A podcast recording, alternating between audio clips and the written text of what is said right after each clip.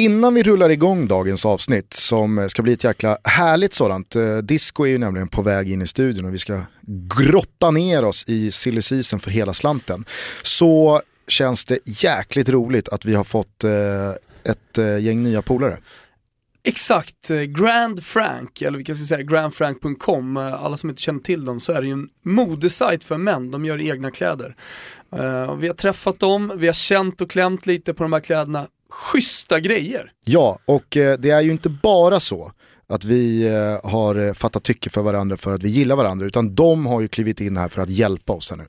Ja, och oss. Ja, kanske framförallt dig då. Eh, de nya lyssnarna eh, kanske inte riktigt vet det här, men eh, för några månader sedan så bestämde sig du och jag för att nu måste vi verkligen göra någonting åt vårt fysiska förfall.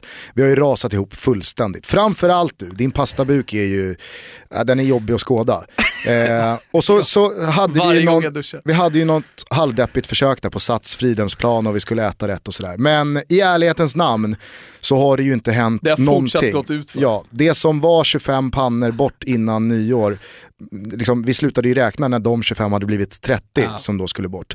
Och så har ju folk hört av sig, uppdatera oss, hur går det med viktraset? Och det finns ingenting att uppdatera om. För att det är ingen ja, av oss... Uppdateringen är ju att det har bara blivit eh, sämre. Precis. Ja. Så därför har grandfrank.com här nu klivit in och stöttat oss och det ska vi göra genom en tävling som vi har valt att kalla Knappkampen.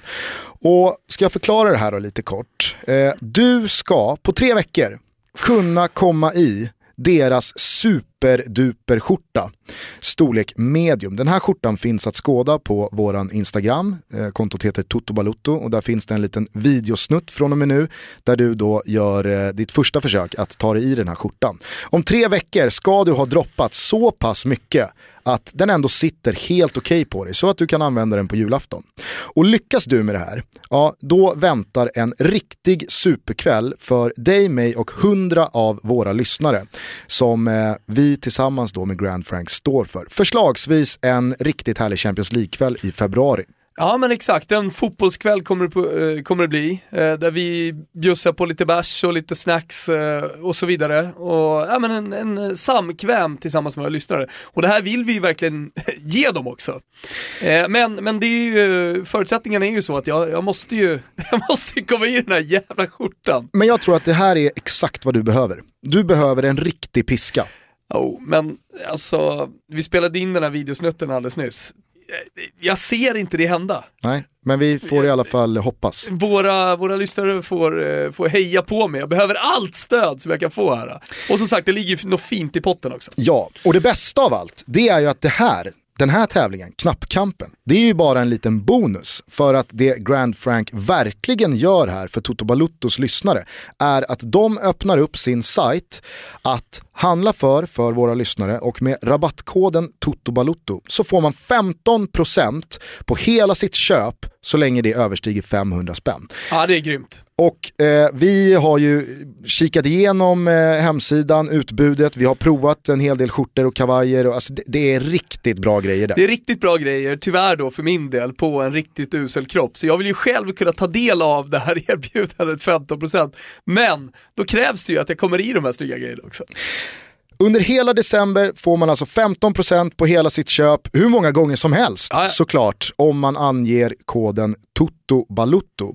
Och sen så är det så här, Grand Frank är ju ett gäng riktiga jultomtar så de har ju dessutom gjort så att om man nu gör ett köp på 500 spänn eller mer så är man med rabattkoden Toto Balutto med i en tävling där det lottas ut en outfit värd 5 lax. tar ju aldrig slut där, hur djup är eh, säcken? Ja, men, du hör ju, vad, det här är ju toppgäng. Ja. Det här är ju ett toppgäng som sitter där borta på ja, Till exempel då skulle man kunna för... utnyttja det, om man vinner, skulle man kunna fixa nyårsviden. Precis, för att den här Tävlingen kommer att avgöras den 22 december samtidigt som vi avgör huruvida du kom i den där skjortan eller inte. Mm. Vilket gör att den personen som vinner den här tävlingen kommer kunna klicka ihop sin outfit värd 5000 spänn och ha det på nyår. Mm. Eller då ge bort det till någon som eh, man kanske vill ge en nyårspresent eller julklapp eller vad det nu är. Så att För 500 spänn eller mer med rabattkoden TOTOBALOTTO så är man med och tävlar. Men utöver Automatiskt. det... Exakt, då är du automatiskt med och tävlar. Det är inget val här. Mm. Men utöver det så är det alltså 15% på allt man köper där över 500 spänn hela december. Eh, dina... In, och, in, och, in och gotta er, Ja, verkligen. Det är en riktigt... Ja, men det här står eh, verkligen för, jag gillar deras prylar stenhårt. Ja, här, alltså, jag, jag behöver inte säga att jag står bakom det här. Det här är, det här är ju vår räddning. Din räddning framför Jag har ju varit ja. orolig för dig. Ja, ja, det är sant. Vi känner lite hjärtflimmer. Ja, så att eh, hjälp nu Thomas genom att vara eh, liksom, supportive och stötta honom. Heja på. Eh, och så kan man eh, följa hela den här resan på våra sociala medier. Vi heter Toto Balutto både på Instagram och på Twitter. Eh, och eh, det är ju dessutom så att det inte finns bara kläder på grandfrank.com utan de har jävligt snygga klockor också. Mm. Vi träffade ju deras eh, toppdag Olof för några dagar sedan riktigt bra klocka som satt runt den mm. armen. Eh, så att grandfrank.com, var med oss här nu och det är ett supererbjudande som jag tycker att eh, vi alla ska ta någon slags del av. Det firar vi med disco! Ja, nu rullar vi igång eh, vignetten, superproducent Kim Wirsén och sen så blir det ja, nästan 90 minuter eh, silly season med eh, transferkungen Daniel Kristoffersson.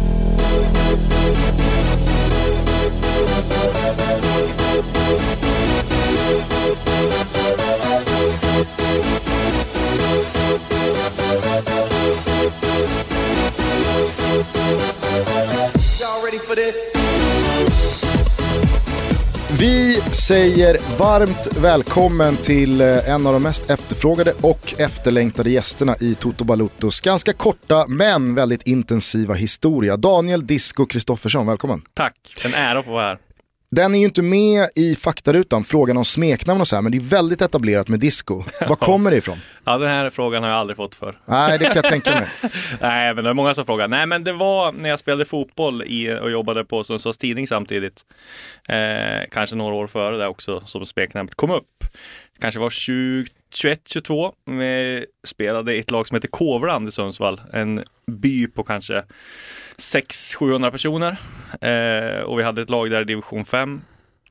Och vi hade lagfest. Eh, hembränt såklart. Eh, och eh, vi blev rätt bra i gasen och åkte in på ett ställe som heter Oskar i Sundsvall som är det mest klassiska stället där.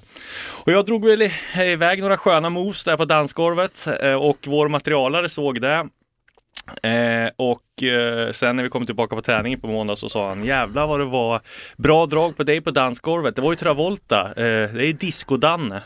Och sen har det hängt med till, till eh, Expressen. Det var en fotograf som heter Nisse Jakobsson på Bildbyrån som är VD på Bildbyrån nu. Han jobbade med mig på Sundsvalls Tidning så att eh, det hängde med ja, till Sundsvalls Tidning och sen har jag hängt med till Expressen. Ja, men det, det, är ändå härligt att höra att det är disco-relaterat. Ja. Det hade ju varit tråkigt om det bara var någon så här som Det var ju sån här Travolta-moves du vet med. Ja. ja, eller att det var liksom DK, D, DK, ja, disco.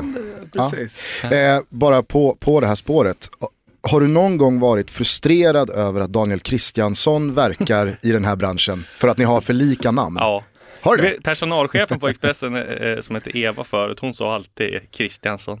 Och sen får man ju sådana här eh, tweets ibland bara, fy fan vad dålig du är på att kommentera. Hur fan kan du göra sådär? Det heter ju det och det liksom. Och fick man. Men jag tror att det har dött ut på, det var mest i början, nu tror jag att de kan skilja på det. För att förr var det mycket, mycket mer. Det man, det man dock vet är att det är ingen någonsin som har kallat DK, alltså Kristiansson, för disco. Nej, det är nog inte. Thomas, eh, kort bara, din relation till disco? Ja, den är ju först och främst eh, vi träff, eh, arbetsrelaterad på Expressen. Eh, jag, jag kom in, då hade, var ju disco redan en eh, legendar på, på tidningen. Och eh, nej men sen har vi lärt känna varandra genom sändningar och genom jobb mer och mer. Sen jobbar vi ju väldigt olika, jag menar Daniel är ju alltid på plats. När han är ute på Kaknäs, då sitter jag och läser Gazettan hemma. Jag jobbar med internationell fotboll.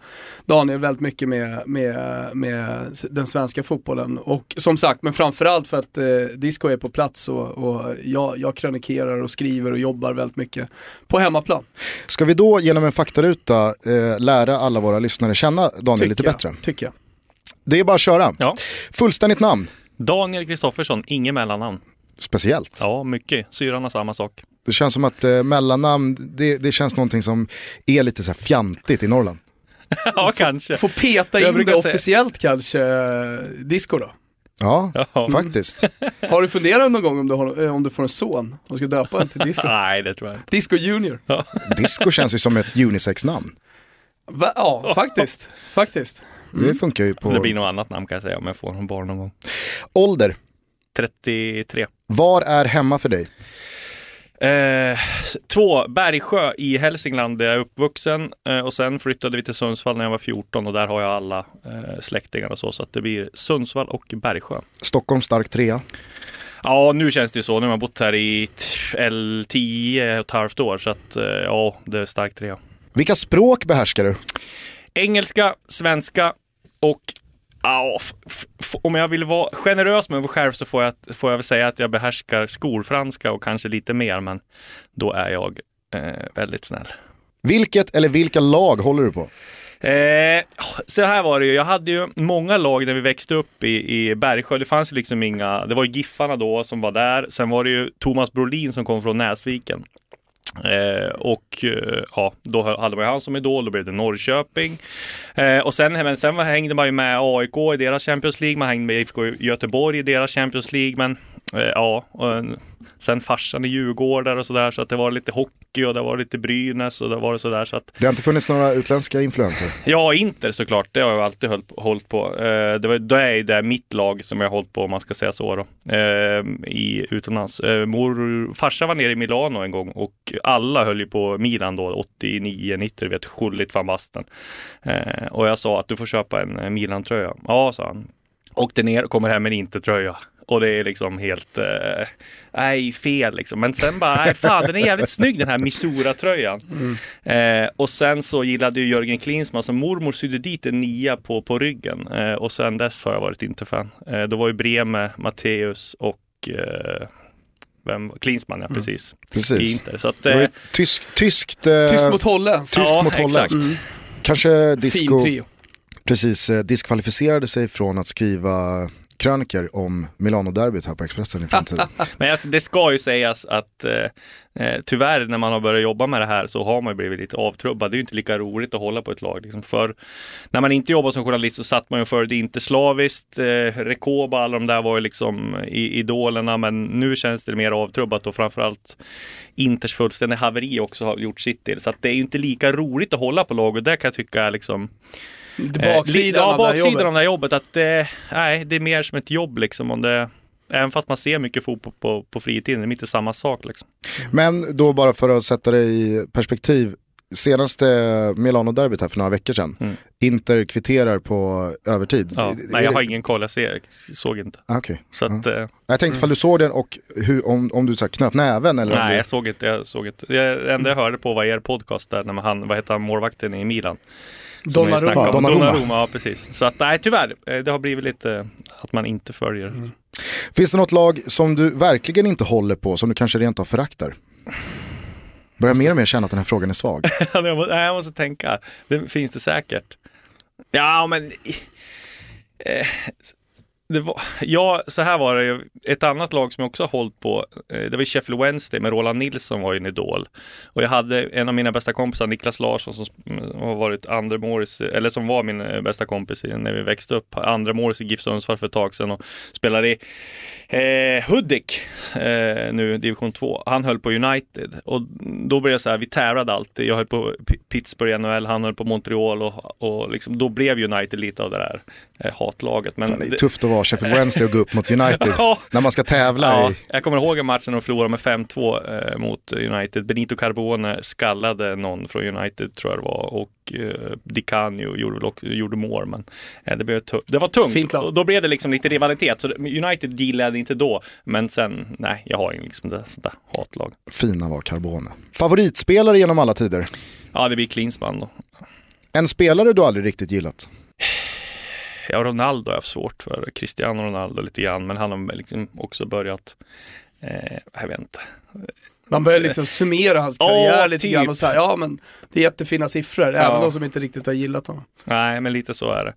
Eh, det måste ju finnas någon som har sådär ogillat också. Nej, men det är nog liksom filmningar och sånt där som man har hållit på med tycker jag har tyckt var lite, men nej, in, inte sådär så att det är ogillat. Känns också väldigt norrländskt. Ja, det lirar ju väldigt mycket med det norrländska. att lite Föraktet filmningar. mot filmningar och... Ja, okej. Du får kanske, om du ligger och marinerar lite i bakhuvudet, om du kommer på någon spelare som... Materazzi är också såklart en favoritspelare. En favoritspelare, Favoritspelare? absolut. Eh, Okej. Inter, han är ju en legend. Så att, eh, Materazzi och Klinsmann. Väldigt eh, bra på att filma. Underskattad filmare Ja, Materazzi. eh, Här kommer mer ihåg för alla mål han gjorde. Han hade ju en Bara helt, sjuk, han, hade helt sjuk säsong i Ja. Perugia där Ja. i början Ja. på 2000-talet. då. Jag tror han gjorde 13 ligamål, det är väl Mm. fortfarande rekord för eh, försvarsspelare i Serie A. Intressen utanför fotboll. Fiske och resa. Finns det någon person utanför fotbollen som du ser upp till av olika anledningar? Ja, man får säga det klassiska då. Det är väl ja, familjen, syrran, morsan, eh, farsan. Men sen framförallt får jag säga min fru, hon får dra ett stort lass och hon är organisatorisk och eh, styr upp väldigt mycket som inte jag kan. Så att eh, jag får säga henne. Vad Känner igen med det där. och hon driver också ett eget företag. Eh, så att eh, nej, henne ser jag upp till. Som jag skulle aldrig kunna ha koll på så mycket grejer. Vad hyser hon för känslor kring din mobiltelefon den här tiden på året? Nej, inte så, inte så eh, Känner också igen mig kring det. inte så goda och hon är inte ett dugg intresserad av fotboll, även fast hennes pappfarsa är, har varit fotbollstränare i 40 år. Så att hon, det är ganska skönt faktiskt. Hon fattade ingenting när du sa jag har världens grej om Nej. Allan Kuhn. Ingenting! Hon visste inte vem det var. Skönt ändå. Ja, det är härligt. Men går det, jag kom på det, går att ta bort Göran Persson också och säga någon annan där? Ja, det går. ja jag, måste säga, jag måste säga min fru där. Ja. Din fetaste fotbollsupplevelse? Eh, nej men det var väl, ja precis, det finns ju framförallt två. Dels första VMet 2010 eh, i Sydafrika när jag blev skickad dit. Det var någon form av liksom karriärshöjdpunkt när man sitter på eh, Socker City eh, med 98 000 på läktaren och ser Suarez bli utvi- eh, ta med handen och bli utvisad och liksom Uruguay sänker en hel kontinent. Det var liksom hur det kunde bli så knäpptyst där inne. Och man får sitta där och känna det där, det var helt sjukt. Och sen är det såklart, eh, Du måste ha sett otroligt mycket matcher. ja, alltså. det har man gjort. Och sen är det ju Allt såklart, från allsvenskan till... Ja. eh, och VM-finalen på Maracanã är ju också jäkligt stort. Eh, ja, när Tyskland vann med 1-0 mot Argentina, det är ju också den höjdpunkten. Och liksom få uppleva ett VM i Brasilien och se 11-12 matcher där och kuska runt. Det var också stort. Men vi är ju på många sätt i samma bransch. Kan du känna som jag upplever ibland att när du på något sätt jobbar med en match så fastnar inte den upplevelsen, själva matchen, fotbolls, eh, det fotbollsmässiga fastnar inte på samma sätt som när du konsumerar fotboll som privatperson. Nej, kanske inte. Nej, det gör det ju inte för man har så mycket annat att göra. Eh, samtidigt man ska tänka på jobb och det är Twitter, Precis. det är bloggar och det är så här. Men Li- samtidigt, live. just när man ska ha live scribble, men när man sitter på de där matcherna, alltså då på de här stora matcherna, då tänk, har jag ändå lärt mig liksom att tänka att fan, måste ju njuta nu också. Liksom. grann. Sug in det här för att det här kommer du komma ihåg liksom, när du sitter på ålderdomshemmet. Så att, eh, nej men jag håller med, liksom när man går på eh, nej, det blir inte samma känsla. Håller du med? Ja, Men jag håller med, men, men också så här delvis. Det beror på lite vad det är för match. Vi kan bara ta kort då, EM i somras, sista matchen, när vi ändå hade chansen mot Belgien. Då var man ju uppe klockan sju, jag tror jag väckte några svenskar i Paris och vi sände live då från, ja, från tidig morgon, från sju åtta eh, och sen så hela vägen fram till match. Det var väl i Nice? I Nice ja, precis. Eh, och jag var ju då mitt bland fansen för alla som inte, inte såg det och, och följde fansen. Eh, min idé var till Expressen att jag skulle åka, jag skulle verkligen vara med fansen hela vägen fram till matchstart. Sen hade jag akkreditering och sånt, men jag sa men då, då jag får komma för sent för det viktiga är ändå liksom att, att vi, vi följer med de sista in sådär. Och då i, i Nice så blev man ju avsläppt eh, från de här supporterbussarna flera kilometer ifrån arenan. Och det var ju en ruggigt varm dag och på Expressen har vi en klädkod. Och den följer jag liksom strikt fullt ut. Så jag hade ju då liksom slips och, och alltihopa, det kanske man inte hade behövt men jag, jag körde det i alla fall. Och knalla där och se att, liksom att klockan bara tickar och, och, och närma sig stressen Uh, hur, var ska jag in någonstans? Var är liksom själva mediaingången? För jag hittade aldrig dem under, under, under EM, kom alltid sent in och sådär. Uh, det gjorde att det var, nej men det, det, det var jag fick liksom inte känslan inför matchen, även fast jag hade varit bland alla fans, för att jag var så stressad och tänkte och fokuserade så mycket på jobbet, gör vi bra TV nu? Men sen när vi kom in, eftersom jag hade varit då bland de här liksom, ja, tusentals och åter tusentals svenskarna och få höra dem och liksom se det här gula havet från pressläktaren. Få träffa Disco som jag inte har sett på hela mästerskapet i stort sett och Noah och alla. Mm. Så blev det ett starkt ögonblick att få träffa dem och krama om dem på pressläktaren. Och sen och liksom bara blicka ut och, och höra alla de här tusentals som jag har träffat under flera veckor nere i mästerskapet. Så just där och då så blev just jobbet blev ännu starkare nästan eh, i, i den matchen mot, mot Belgien. Det blir ju en speciell ja. känsla att vara på mästerskap. Det är ju jobb liksom dygn, alltså i princip dygn runt. Du lever, tiden ja, du lever i, lever i en bubbla liksom och sen så när det blir sådana där grejer då är det ju, man får liksom när man kuskar runt själv och sen kommer man träffa alla. Det blir jävligt liksom, ja, det är en speciell mm. känsla. Jag kommer ihåg exakt när du kom, det var så jävla kul att se det också. Och så jag kommer jag tog ju en selfie med alla där. Det var all, glatt humör på alla, det var jävligt, jävligt coolt. För jag kommer ihåg i, i våras så var jag på plats på Anfield när Liverpool vände och slog ut Borussia Dortmund ur Europa League i kvartsfinalen där. Och Dejan Lovren knoppar in 4-3 i 96 och hela Anfield exploderar och det var ja, men bland de mest rafflande fotbollsmatcher man har sett. Och då var det verkligen så att jag dagen efter kände fan vad jag inte kunde ta in det där. För att när målet kommer så exploderar hela arenan. Jag kramas med Kolo Touré som är helt vild. Men en minut senare då är man i work mode och ska in i någon eh, mixad zon och i någon flash för att ta en bra position där och så hinner man liksom inte riktigt stanna upp och tänka vilken fet fotbollsmatch som precis spelades. Mm. Så jag är på plats på Anfield här och det, det, det, slår en först senare att fan, det är inte samma sak som när man är där med polarna och, och verkligen bara konsumerar matchen.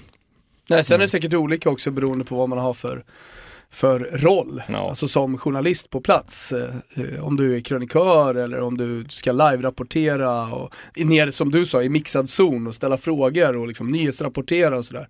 Så det, det, där, det där beror nog på men, men nu för tiden som sagt så är det ju väldigt, väldigt mycket mer jobb än vad det var för innan internet kom så att mm. säga. Då ska man leverera några texter till tidningen efter som man ringde in. Eller Nej, precis. Sen är det annorlunda också att vara liksom skrivande än att vara typ så här kommentator. De liksom, man vet ju om det här Husfeldt, om det här som man träffar. De gör ju sin grej och sen blir de ju bortforslad liksom direkt från arenan och sen åker de till hotellet och ja, käkar en middag eller sådär mm. och sen kommer de dit. Så det blir en jäkla skillnad på, på arbete och så. Mm. Vi kuskar vidare. Vem från fotbollsvärlden hade du helst velat dela en flaska vin med? Ja, det får nog bli Materazzi då. Det hade kunnat bli bra stories där tror jag. Mm. Också en kille man vill ha med sig om det skulle gå längre, om man gick ut lite senare på disco ja, och det skulle bli en barfight. Då har man ju gärna Materazzi-gubben med sig. Mäktigaste numret du har i din telefonbok? Eh, det här tror jag ni kommer gilla. Gianluca, äh, Gigi Buffon. Oj. Det, är, det är Ringer honom ofta? Nej, inte direkt. Är det 339, alltså är det mobilnummer eller? Ja, det är det. Och sen har jag haft eh, Nej det har jag fortfarande förresten. Eh, men när var det senast, alltså du Nej, vet att det funkar? ja, ja, jag har försökt nå honom några gånger men det går, det, han svarar inte tyvärr. Mm. Men eh, sen... Det är ingen flyttfågel direkt. Nej, och Gallianis och Braidas nummer hade jag, jag kommer ihåg. När Zlatan var i Milan så ringde jag Braida och då sa han svarade. Han var, han, han, ja, han var ganska, han var ganska skön. Ska, ska vi bara kort säga, Braida, Galliani. Ja, det är, är... Milans, eh, Galliani var ju Milans, Milans klubbledning. Precis, ja. Och Braida var ju när värvningsansvarig i Milan, hade han som titel. Eh, och jag kommer ihåg, jag ringde någon gång om John Guidetti för att vara på, på tapeten. Och man kunde ringa han ganska ofta och han var hes röst och svarade alltid så här Pronto, pronto. Ja, då Guidetti, prakta, pronto. typ så. Han lät som Marlon Brando i Gudfadern ungefär. Har du Zlatans nummer? Nej. Är du tatuerad? Om ja, vilken var din första gadd? Nej, i tatueringar kör jag inte med. Inga tatueringar? Nej. Det kommer... Ny fråga, trist att... Uh... ja, den fick inte en flygande start, den här nya uppdaterade frågan. Eh, finns det någon fotbollströja genom tiderna som du tycker är jävligt snygg? Ja, Kanske men, den där inte-tröjan? Ja, eller Fiorentinas eller Palermos eh, är ju snygga. Ja. Argentinas också. Mm. Hemfaller åt det italienska. Ja. En match som du skulle vilja se men som du ännu inte har sett? Eh, ska vi se, jag har inte sett Besiktas mot uh, Fenerbahce, ska jag säga. Eller Galatasaray mot uh, Besiktas, Mhm. ska jag säga. Det är lite trist att de har, eh, alltså i Turkiet och Grekland så har man ju stängt ner borta Ja. eh, följet sen några år tillbaka. Man, man har ju Förtar testat någonting. det i, i många ligor. Alltså i den italienska ligan som vi var inne på här har, har ju gjort det i högriskmatcher under perioder också Mm. de senaste tio åren. Det var väl eh, Graham Saunes som eh, efter att Fenerbahce hade förlorat mot Galatasaray som Graham Saunes tränade så, gick, så tog han en eh, Galatasaray-flagga från borta sektionen och så gick han bara in och så planterade ha- han den i mittcirkeln på Fenerbahces hemmaplan. Där hade man ju velat vara. ja, verkligen. Då hade det, ah fy fan vilken, vilken mäktig stund. Eh, sista frågan, om inte Messi eller Cristiano Ronaldo fanns, vem tycker du är världens bästa fotbollsspelare? Ja, då är det näst, nästan Zlatan som ska vara där uppe kanske. Får man säga, om man vill vara lite svensk. Eh, se vem kan annars vara? Ja, Zlatan är väl ett all, alldeles ja, ypperligt precis. svar. Ja, jag kör det. Ja. Okej, då hoppas jag att eh, lyssnarna känner Disco lite mer som person. När vi nu skiftar fokus till egentligen varför du är här. Det är ju ditt eh, oerhört speciella jobb. Den här tiden på året känns som din högsäsong. Ja, verkligen. I alla fall, eh, ja, det brukar ju vara lite lugnare just kanske december och nio, ja, fram till jul där. Då börjar det ta fart riktigt. Kanske vid, ja, vad ska vi säga, 17, 18, då börjar det eh, slå till riktigt. Jag kommer ihåg Emil Forsbergs övergång till Leipzig som jag avslöjade. Den tror jag var juldagen, eller om det var dagen innan julafton. Så att, eh, det är då det börjar hända. Men För- samtidigt så har det ju varit en exceptionellt händelserik tid sen allsvenskan Ja, tog slut. precis. Just det. Men det är just det här glappet mellan som det inte brukar hända så mycket. Men vi får se. Precis när, när eh, semestrarna kom. Men, Jaha. men för alla som inte har varit med under de här veckorna och, och är med på vad som har hänt vad det gäller disco. Eh, så, så har ni avslöjat då alla de här tränarövergångarna i stort sett. Eh, ja, verkligen varit på tå. Eh, just Emil Forsberg-grejen där tänkte jag, det är en sak att eh, liksom, ja, du avslöjar dem. Det, är- det är stort, med Emil Forsberg som också är från Sundsvall, hade du tappat den eller varit eh, tvåa på bollen på den, då hade det nästan varit ett nederlag, eller hur? Ja, exakt. Om man tänker så. Ja. Eh, jag tänker på eh, igår så blev ju Mikkelsen och eh, Özcan Melkemichel klara som tränare för eh, Hammarby respektive Djurgården. Eh, hur nära var du att eh, liksom, ha ensamrätt på båda dem? Nej, men vi, både jag och Lyra avslöjade väl att eh, Hammarby skulle eh, byta eller att de var på väg att byta tränare ganska tidigt. Eh, och Öskan skrev vi väl för tre veckor sedan att, de skulle, att han hade ett möte med Djurgården. Men eh, ja, vi är väl ensamrätt sådär nu på slutet var väl kanske inte så nära. Men det var väl ganska klart att de skulle ta över. ja men det kändes som två, två av de Framförallt klaraste. Mikkelsen var, har det Mm. skrivits liksom i många Mm. dagar. Men där tror jag faktiskt att det var så att de eh, ville ha eh, Kim och eh, Tolle eh, från början. Men jag tror Tidigt, att det ja. ja. gick inte för jag tror att de ville ha in Billborn som assisterande i alla fall. Mm. De vill ha en från sitt, sina egna led. Hur säker är du på, på, på en sån sak?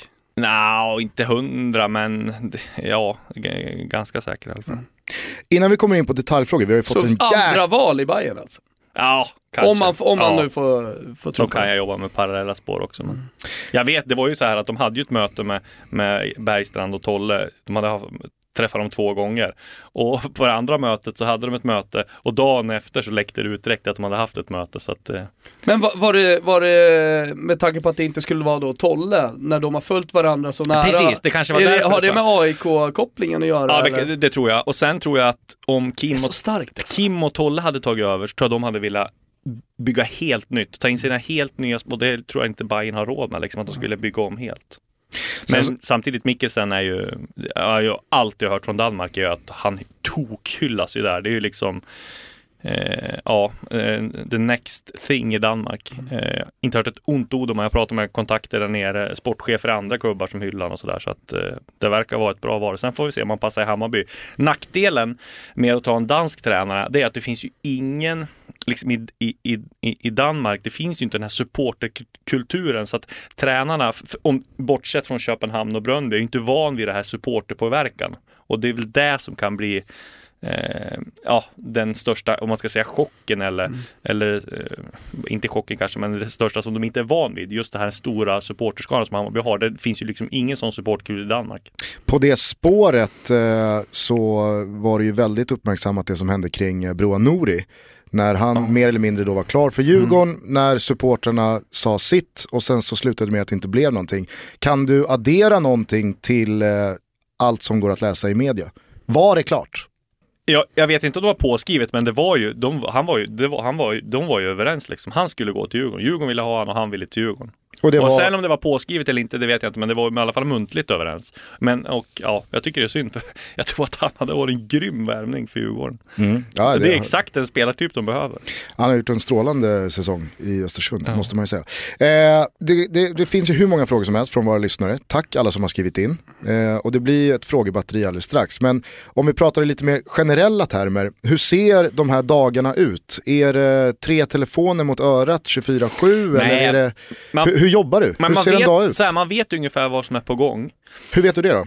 Ja, men det, man, du vet ju ungefär liksom vilka stora eh, transfer som ska göra och man har ju liksom kontakt med eh, ett gäng som har, man vet vilka som har koll liksom. Eh, ja, då får man ju messa dem och händer något eller messa dem och ringa dem och bara surra och kolla liksom. Ja. Och sen får man ju liksom, har man ju ja, tentaklerna ute och sen så Ja, ibland kanske man inte ens behöver ringa, då, då, då ringer de och säger att nu är det här på gång och sådär. Så att eh, man får liksom eh, Hur stort är det gänget? Ja, det är stort. Du vet, man har jobbat här med tio, tio och ett halvt år nu, liksom lärt känna så jävla många. Liksom, Men, men det är på många som har jobbat tio och ett halvt år som inte liksom utnyttjar kontakterna på, på det sättet du gör. För Nej. de som inte känner till dig sen tidigare som lyssnar på den här podcasten, jag menar nu har vi gjort eh, frågebatteriet och liksom, nu har vi lärt känna disco lite men, men eh, det som jag ändå inte tycker har framgått det är ju att du är ohotad etta. Du är ohotad tvåa, trea ner till tionde plats på att avslöja just affärer.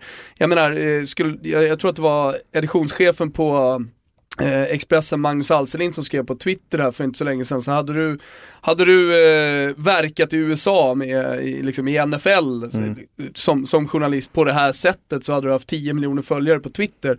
Eh, Gianluca Di Marzio som... Fan, Jag trodde du skulle säga 10 miljoner netto om året. ja, det hade han också haft förmodligen. Det hade jag behövt. Ja.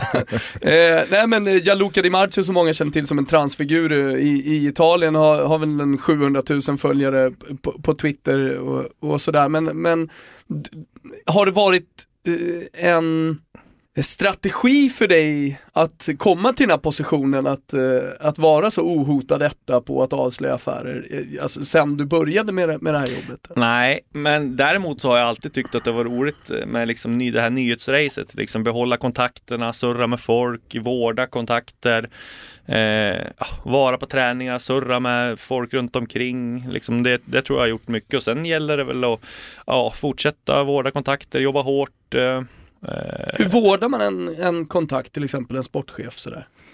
ja, jag vet inte om det är så mycket sportchefer, men liksom. Det, vilka är de liksom Nej, mest men det, är all, det kan vara allt möjligt liksom runt omkring. spelare? allt liksom. Det finns nog inget, ibland liksom, man kan få nyheter av en slump ibland också liksom när man har jobbat upp kontakter.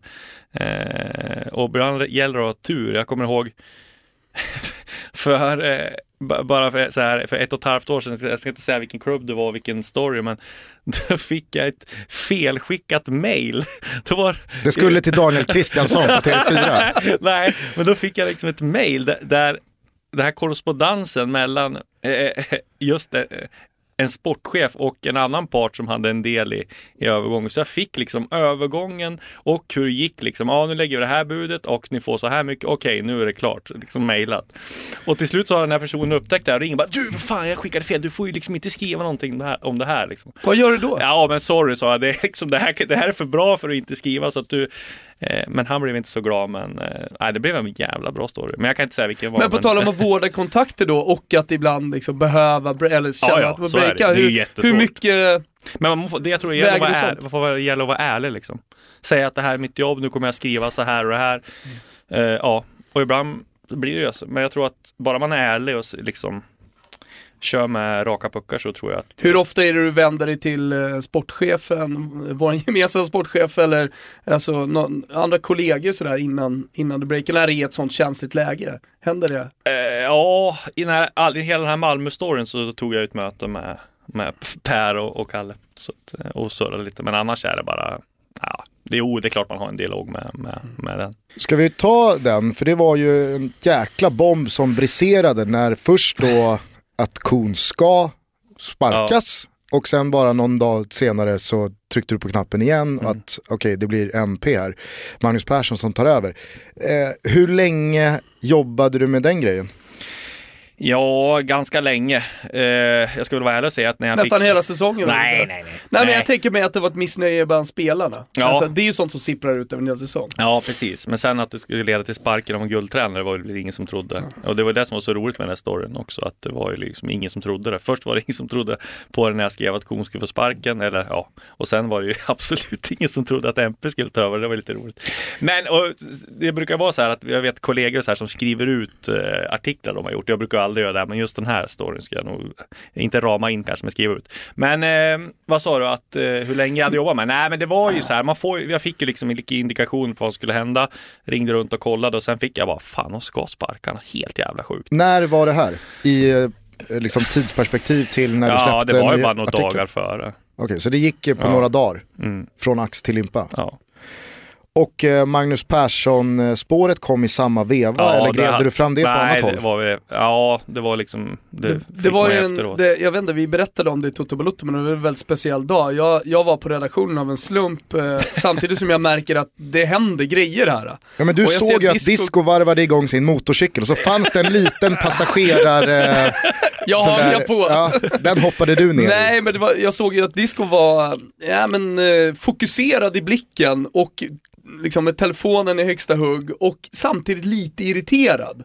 För precis när vi ska in i sändning och allt är klart med mobilpushar, för sånt förbereds ju och artiklar och sådär. Precis när vi ska trycka på knappen, disken ska in i sändning, då eh, sparkar Bajen Ja, då får jag ett sms så här bara, ja, eh, bara, i, i, idag kommer det bli officiellt med att Nanne får sparken. Och bara, eh, oj, fan, fan vad sjukt. Så bara, bara skrika, nej nu får vi stoppa det här och, och hålla det här. Så ja, fick vi gå in och så fick jag skriva den. Ja, så blev det officiellt nå en minut senare bara. Och sen fick vi hålla den här grejen någon timme till. Men då antar jag att du var så säker på exklusiviteten i kon att Ja. du kände dig trygg med att Mm. hålla på den i fem Ja. timmar. Ja. Eh, och, och då, Det är det inte alltid man kan göra. nej det förstår jag, för att det är ju ett sånt, eh, det, det är sån dynamit i den grejen att jag kan tänka mig att... Tänk om liksom, man ska tappa den, då hade jag aldrig förlåtit mig själv. Nej, det förstår jag. Det förstår jag. Men det här måste ju då härledas tillbaka till det här gänget du pratar om, dina tentakler ute i Sverige. Ja. Och jag tycker inte att det räcker med att du säger att ja, men de är många och det är Nej, allt men jag, möjligt. man kan inte avslöja sånt. Nej liksom, men fast, det, alltså så här, en, en, eh, pr pratar, vi, pratar vi 10 pers eller 100 pers? Jag vet inte vad som är många i sammanhanget. Nej, men det är ju, det är ju, ja det är inte tio bara såklart. Det är ju liksom, man har ju så stort kontakt. Jag vet inte, jag kanske har, man får kolla i telefonboken kanske man har, nej det är kanske ja, 50-60 då. Säger, Ja. säger det. Bra, det tror jag uppskattas här. Mm. Från mig också, att måla bilden lite tydligare. Okej, och de håller man eh, i en sån här tid på året varma genom att kolla läget. Ja. ja. Och du vet... Eller så kollar de läget med mig jaha. ibland. Så att eh, det, är så, det, är helt, det är helt olika liksom det där vad, hur man, ja, hur man kan få nyheter och så. Det är, Så det finns då en växelverkan där kanske klubbar eller andra spelare utnyttjar din roll i hela karusellen för att eh, saker och ting ska hända. Eh, alltså jag tror inte att det är, ja det är väl inte så jättevanligt direkt att de vill, det är väl knappast så här att en klubb vill att, nej men här du, skriv om det här, skriv om vår övergång innan vi skriver den på hemsidan. Det, det, det händer inte ofta. Men nej, det är inte, man får nog jobba mest. Hur mycket liksom. fri roll på mittfältet känner du att du har liksom i sådana här tider på, på Expressen? Nej, men jag Eh, jobbar att i skift verka. och sen så så när man är ledig så får man ju ändå får man ju välja liksom. Ja, vill du Ja, om man får en nyhet och vill du skriva om den här eller vill du inte göra det liksom, då får man ju välja själv. Och, och, alltid så är det om det inte är någon dop eller bröllop eller något sånt där så skriver man ju om den då. Då får man ju Där brukar ju sportcheferna vara schysst och ge mig lite ledigt och komptid och sådär. Så att, det precis, precis som Thomas sa här, så jag håller ju med där och vi har ju pushat dig hårt här för att verkligen kasta ljus på att fan, disco måste få priser snart här. Och kan du ibland känna att du är underskattad och att du inte får tillräcklig cred i eh, mediasvängen? Nej, nej, jag tänker inte så. Jag tänker bara på att jag har så roligt jobb och sådär. Att, eh, eh, att eh, man ska vara privilegierad att man jobbar med det här liksom, och få jobba med fotboll i, i tio år och få resa runt och se världen. Så det är mest så jag tänker och att man har sådana jävla sköna kollegor. Och, att det är så eh, roligt på Expressen och att det är så bra sammanhållning och sådär. Så att nej, mest, nej, jag tänker nog aldrig så. direkt. Men om du hade fått möjligheten att välja, hade du då gärna haft 200 000 följare och varit hårdprofilerad och tv och li lite mer åt Olof Lund-hållet? Nej, jag tycker det trivs bra med det här tror jag. Det är många som frågar, vill inte jobba med tv? Jag har aldrig fått något liksom så tv-erbjudande, även fast jag tycker det är jättekul att göra liksom TV, webb-tv och sådär, så det är ju jättekul, men det är jävligt roligt nu också. Du har ju luxen. Vad sa du? Du har ju luxen för att jobba med tv. Ja, precis. Men, men eh, en sak som jag tror inte många förstår, eh, alltså skillnaden, jag, jag var inne på det tidigare, jag då som jobbar med internationell fotboll, vi har inte råd att skicka runt mig i Europa för det finns inte det intresset. Eh, Där tror jag många inte riktigt förstår det, så här, även om det är Romderby i helgen så finns det inte ett sånt stort intresse i, i Sverige så att Expressen eller vilka det nu är eh, känner att de kan räkna hem den alltid. Sen kan det ju vara tillfällen när man liksom har jobbat med någonting större och sådär. Men, men, men eh, just det här med att du är på plats mycket, det är träningsanläggningar, eh, det, det, det är liksom ja, matcher hela tiden. Det, det är ju många som inte riktigt är så ambitiösa skulle jag säga. Där är du en av dem, och kanske den som är mest ambitiös på att verkligen vara på plats också. Ja. Fysiska mötet. Men det är det som är roligt, att träffa människor. Jag älskar att träffa människor, jag älskar att surra med folk, jag älskar liksom att ja, surra med supportrar, att liksom ta en kaffe och surra med, ja, inte vet jag, materialen där och liksom, det är det som är roligt. Mötena. Det är det som är, liksom, gör att det här jobbet är så kul. Jag är lite nyfiken på hur ofta det händer att du blir väldigt förvånad över någonting som hänt. Alltså som någon annan avslöjar, som någon annan drar fram. Händer det att det, det har flugit helt ovanför ditt huvud och du har missat det totalt? Och sen så kommer det ut och du känner att fan det här är jag, det här hade ingen, här är ingen koller. Ja, nej men äh, det är som så här, ofta vet man ungefär vad som är på gång, men det måste ju ha hänt såklart att jag eh, har miss, miss, missat något helt. Det var ett tag sedan. Ja, men jag ska, vi ska fundera på det, eh, men det måste det vara såklart. Ja, jag, känner, jag, alltså jag känner det måste det fan vara. Ja, ja men Annars är det Gerhardsson till damlandslaget, det hade jag ingen aning om. Det var så? Nej, jag, jag vet att han träffade Dalkurd. Eh, Men var det någon som avslöjade eller var det att det blev officiellt? Nej, det blev ju officiellt Ja. på presskonferensen, det var inte som avslöjade. Ehm, Vad sa du, han träffade Dalkurd? ja, det vet jag. Jag trodde det skulle bli eh, jag hörde att han hade ett anbud utomlands också, att det kan det bli Norge eller Danmark och sådär, eller Dalkurd, men så blev det damlandslaget. Eh, Men man kan säga generellt så är det så att det du inte avslöjar har du ändå ganska bra pejl på. Men jag tror må, äh, ganska många har bra pejl på vad som är på gång ut som liksom ex, sådär exceptionella grejer som det här med MP och kon och sådär. Men det är klart att det måste vara grejer som man är, har blivit så här bara va? Eh, såklart. Men inget jag kan komma på så här nu. Liksom. Nej. Nej. Men du, om, om du kommer på så är det bara eh, skrika till. fundera, ja. Är det några mer eh, liksom generella eh, termer och eh, punkter vi ska Ja, ta upp här? hur, hur ser du framöver? Ser du gärna att, eh, du frågade om tv, du frågade om, om, om din roll nu och sådär. Ser du gärna att karriären flyter på ungefär så, så som den är? Ja, nu är det, jag tycker det liksom är bra också. Man får ju mycket, alltså sitta i tv som vi har gjort där när, i, i vår studio. Vi gör ju en bra tv-satsning här och det är väl det som är det shit nu liksom. Och eh, att man får kombinera det här med det här, det är ju perfekt. Det är ju mycket ombytlig värld och det är liksom f- förändring hela tiden och det gillar man ju. En del av eh, Discos jobb som vi inte riktigt har touchat, en, en del av webb-tv och second screen-lösningen som vi gör på Expressen som jag ofta hyllar och tycker att så här, här här, här är det någonting unikt som man inte har varit med om tidigare. Det är just mixad zon efter matchen. Eh, sitter du och kollar på en, eh, ja, men en, en tv-sänd så får du ju såklart, du får tränaren och så kanske du får ja, ett par av profilerna. Eh, och det, det blir ett kort surr, men där har du, där, där har du liksom ett tajt eh, schema ju i, i tv med reklamer och allt vad det är och, och sen ska det sluta börja, börjas andra program medan man på webb-tv då kan liksom bara verkligen köra på.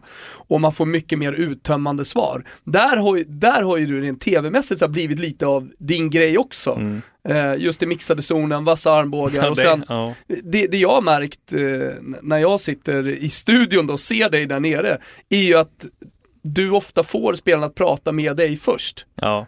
Är det det det, är att här man- förtroendet? ja, det tror jag. Dels förtroende, dels som att han har varit med länge. Man har varit på plats länge. De känner igen ditt ja, ansikte. men så är det väl lite är du stor. Ja, precis. Men det är ju jättespeciellt i den här mixade zonen, framförallt utomlands. Kommer jag aldrig glömma när vi stod eh, i Paris eh, och eh, jag stod bredvid konkurrenten Wegerup och hennes kameraman.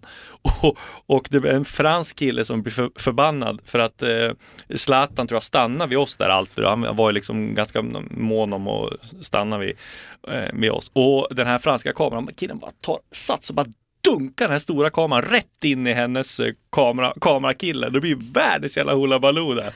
Ah, Fy fan vad sjukt det var. Så det är liksom lite hetsigt där, kanske lite för hetsigt. Klev du in med skolfranskan då?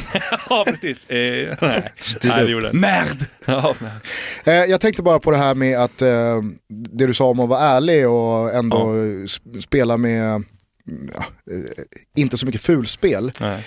Det måste man göra ibland också för att eh, sportcheferna, ibland när man ringer och har kommit på en grej så kan man ju bli blåst. Ja, men det är det- Framförallt Djurgårdens sportchef Bosse Andersson är bra på det där och blåsa en. Ja, men det är det jag tänker att det måste ju vara väldigt mycket så att du känner att ja, men, de inte alltid är ärliga mot dig. Nej, herregud ja. Det är, eh, ja, vi kan väl ta ett exempel. I måndags klockan 10 så ringde jag till eh, Bosse Andersson och frågade om- och hade hört att Öskan är klar.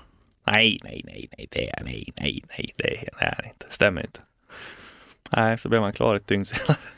Presenterades ett dygn senare. Så att, Men, Så eh, är det ju. Men riske- det är- riskerar man, eh, går man till sig själv ibland och frågar sig, är det värt att köra ändå och eventuellt då bränna en bro här? Eller? ja, absolut. Det, det, det brukar jag köra ibland. Alltså det får man ju avväga, men oftast så kör man ju mm, ändå. Man är säker, när man är säker på det. Liksom. det. Går, det de har ju liksom inget, liksom, det är klart att de vill att det ska komma ut på deras hemsida först. Liksom. Inte Mm. att vi, det ska stå i Express. Så att eh, det, är, det får man göra. Man får man ju liksom, ja, man får ha liksom de källor och kontakter som man litar på. Är det här en tillräckligt bra kontakt för att skriva?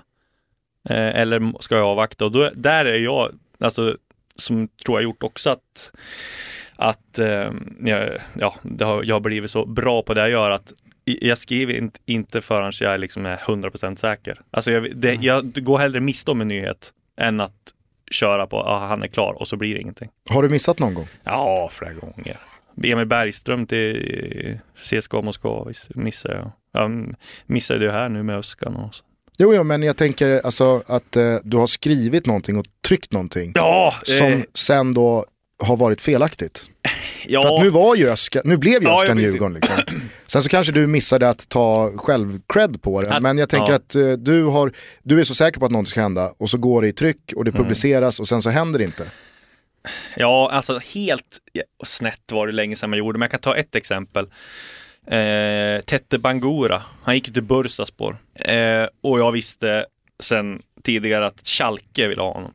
Och få reda på, det här var så 2011, och få reda på um, Schalke eh, att det ska precis, i princip ska vara klart. Och vi, eh, ja, det var det var Utöja som hände exakt samma dag tror jag. Mm. Helt sjukt. Eh, ja, så att vi, det var ju lite folk på sporten och sådär och vi, ja, vi körde på Ja, men vi, liksom, vi, vi skriver inte att det är klart, sa jag, utan vi, liksom, ja, vi ligger lite lågt. Sen blev det något missförstånd, så liksom i rubriken blev det Han går till Schalke, affären klar, han kostar det och det och det. Pang! Blev det liksom. Eh, och det var ju, det, det blev det ju inte. Han, han gick ju till Bursaspor. Liksom två, eh, två dagar senare fick vi skriva att eh, att eh, affären sprack. Mm, och, men jag visste ju att det i princip var klart. Och det har ju senare Jens T. Andersson också berättat helt on the record att ja, vi var ju överens med Schalke. Vi var eh, det, det var klart, alla trodde att affären skulle vara klar, men eh, det blev ett bråk mellan sportchefen i Schalke och chefscouten. Så att eh, det sprack på grund av det. Och sen blev det Bursaspor istället. Så att eh, den var ju, ja det var ju såklart, då är då, Men då där mår man finns ju ju ändå dåligt. en backstory Ja, som men- räddar din heder. Jo, men det var ändå, då fick man ju ta lite skit. Lite. AIK-skit ja, där ja, ja, jag tror jag var någon konkurrent som hånade mig där lite grann. Men, Mm. men eh, den var ju, ja då mår man ju dåligt ett tag. Och så. Men sen, man lär ju sig av det också att, ja. Det är, man ska allt, om man inte vet att det är påskrivet ska man aldrig skriva att det är klart. Liksom. Hur eh, mycket skulle du säga att du eh, jobbar med eventuella nyheter som bara sker utanför Sveriges gränser men med svenskar inblandade? Eller eh, är det oftast ja. en svensk klubb minst på ena sidan? Jaha, du menar att till exempel att Sam Om Guidetti ska byta från... klubb? Ja, precis. Ja, precis. Eh, nej, man jobbar ju med allt liksom. Så är det ju. Nej, men jag, tänker att det, jag, har ändå upp, jag upplever det som att det är de svenska klubbarna, minst en. Mm. Sen kan det ju vara utlandstransfers, ja, ja, in men, eller ut. Ja, men eh, exakt. att jo, det inte det. lika ofta är att du nej, eh, det, undersöker Guidettis nej, eh, marknad. Men det, det är, väl... väldigt få svenskar går mellan internationella lag också. Ja. Men det är väl för att... Det är det väl inte. Nej, men det är väl att det händer lite, lite mer sällan där tror jag. Men det är klart, det jobbar man också med. Alla svenskar är liksom intressant. Ludde Augustinsson nu till exempel, som är klar för Werder Bremen. Det är klart? Ja. Oj, oj, oj. Han har en klausul med sitt, eh, det här har, det har skrivits i tyska medier också och eh, även i svenska, men han är klar för Werder Bremen eh, påskrivet, men har en klausul i sitt kontrakt att åker de ur så gäller inte affären. Alltså, jag, jag tror ju Ludde sitter och gnuggar emot här nu. Ja, det, exakt, exakt det tror jag också. Jag tror mm. inte han, jag tror inte han, jag tror att han ska hoppas på att de åker ut. Vi snackade om det här för några ja. avsnitt sen, när han hade då startat mm. mot Frankrike borta, ja, ja. han har gjort en jävla fin Champions League-höst. Mm. Att jag tänker, och, och, så börjar då komma Milano-lagen och att han själv känner att fan Werder Bremen är nog ett, jag, jag, kan faktiskt få det mycket bättre. Liverpool börjar komma upp på bordet. Men samtidigt, är det går han till Werder Bremen så, så kan det ju vara att uh, han får spela, utvecklas i Bundesliga. Liksom, han är smart också, han vill inte ta det stora steget. Men går han till Liverpool, ja, ska, han vara startspelare där? Det kanske han kan vara, han är ju så pass bra, men jag tror att jag tror att han är, han är jävligt smart när det gäller klubbval. Ja, och sen har väl Emil Forsberg berett ja, lite väg exakt. här för att visa att eh, speltid ordinarie Bundesliga är en väldigt bra väg att gå. Det eh. går ju ett rykte i Danmark, det här, det här är inte jag, eh, att eh, Vet, eh, FCK har ju sålt Thomas Delaney också, en av Danmarks absolut bästa spelare, landslags till Werder Bremen. Och nu är eh, Ludde är klar om de inte åker ur. Det går ett rykte om att Ståre Solbacken ska bli tränare där också i, i sommar. Men... Eh, ja. Han ska ta revansch mm. i Bundesliga. Efter, efter Köln. Ja. Mm. Men det är bara ett rykte, det är liksom inga konkreta uppgifter. Ja, men kommer, kommer ett rykte från disco så vet man ju att det finns ju någonting i det där. Ingen rök utan eld. Exakt. Eh, du, jag tänker bara, det är väldigt många, den frågan som har dominerat eh, våra eh, fiskenät här ja. Är ju såklart den om eh, Alexander Isak, Sveriges ja. Eh, hetaste spelare på många sätt. Vad går det att säga om denna exceptionellt talangfulla 17-åring? Ah, om han som person och som spelare? Eller som du får gärna måla med breda penseldrag. Äh, när jag har suttit ner med han och gjort intervjuer så slås man av extremt, eh, han är vältalig, han är mogen, han är liksom, det är inte som alla andra eh, 17-åringar utan han är, eh, verkar vara en ruggigt klok och mm, smart spelare. Och sen är det ju, ja, det är ju helt fantastiskt, alltså det målet han gör mot Norrköping när han tar emot den, alltså det är 17, vad gjorde man själv när man var 17 år? Liksom? Alltså 10 mål i allsvenskan, det är helt sjukt. Mm. Ja, men det måste vara, det är fantastiskt för oss också som får uppleva honom. Eh, så att, eh, men eh, nej, han blir ju inte kvar såklart. Eh, AIK vill kapitalisera nu. Jag menar, skulle de inte sälja han nu i fönstret så riskerar de, han att bli skadad. De, de riskerar inte alls att få de här eh, miljonerna. Men det jag har hört och jag har skrivit också, det är att Real Madrid ligger i eh, främsta ledet att värva honom. Jag vet att hans agent eh, har haft flera möten med, med Madrid. AIK har ju sålt Ero till Real Madrid också. Sen om det blir, det vet jag inte. Sånt där kan ju ändras också, men det är väl... Vad läste du in i att Isak teamade upp med den här, är han serb? Mm, Vlado Lemic. Ja. Vladica Lemic tror jag. Ja. Vad, vad, vad, läste du in? Har du hans nummer? Nej, det var faktiskt inte. Vad läste du in liksom i det? Eh. Vet du då att okej, okay, nu men... har han plockat in den här för att gå?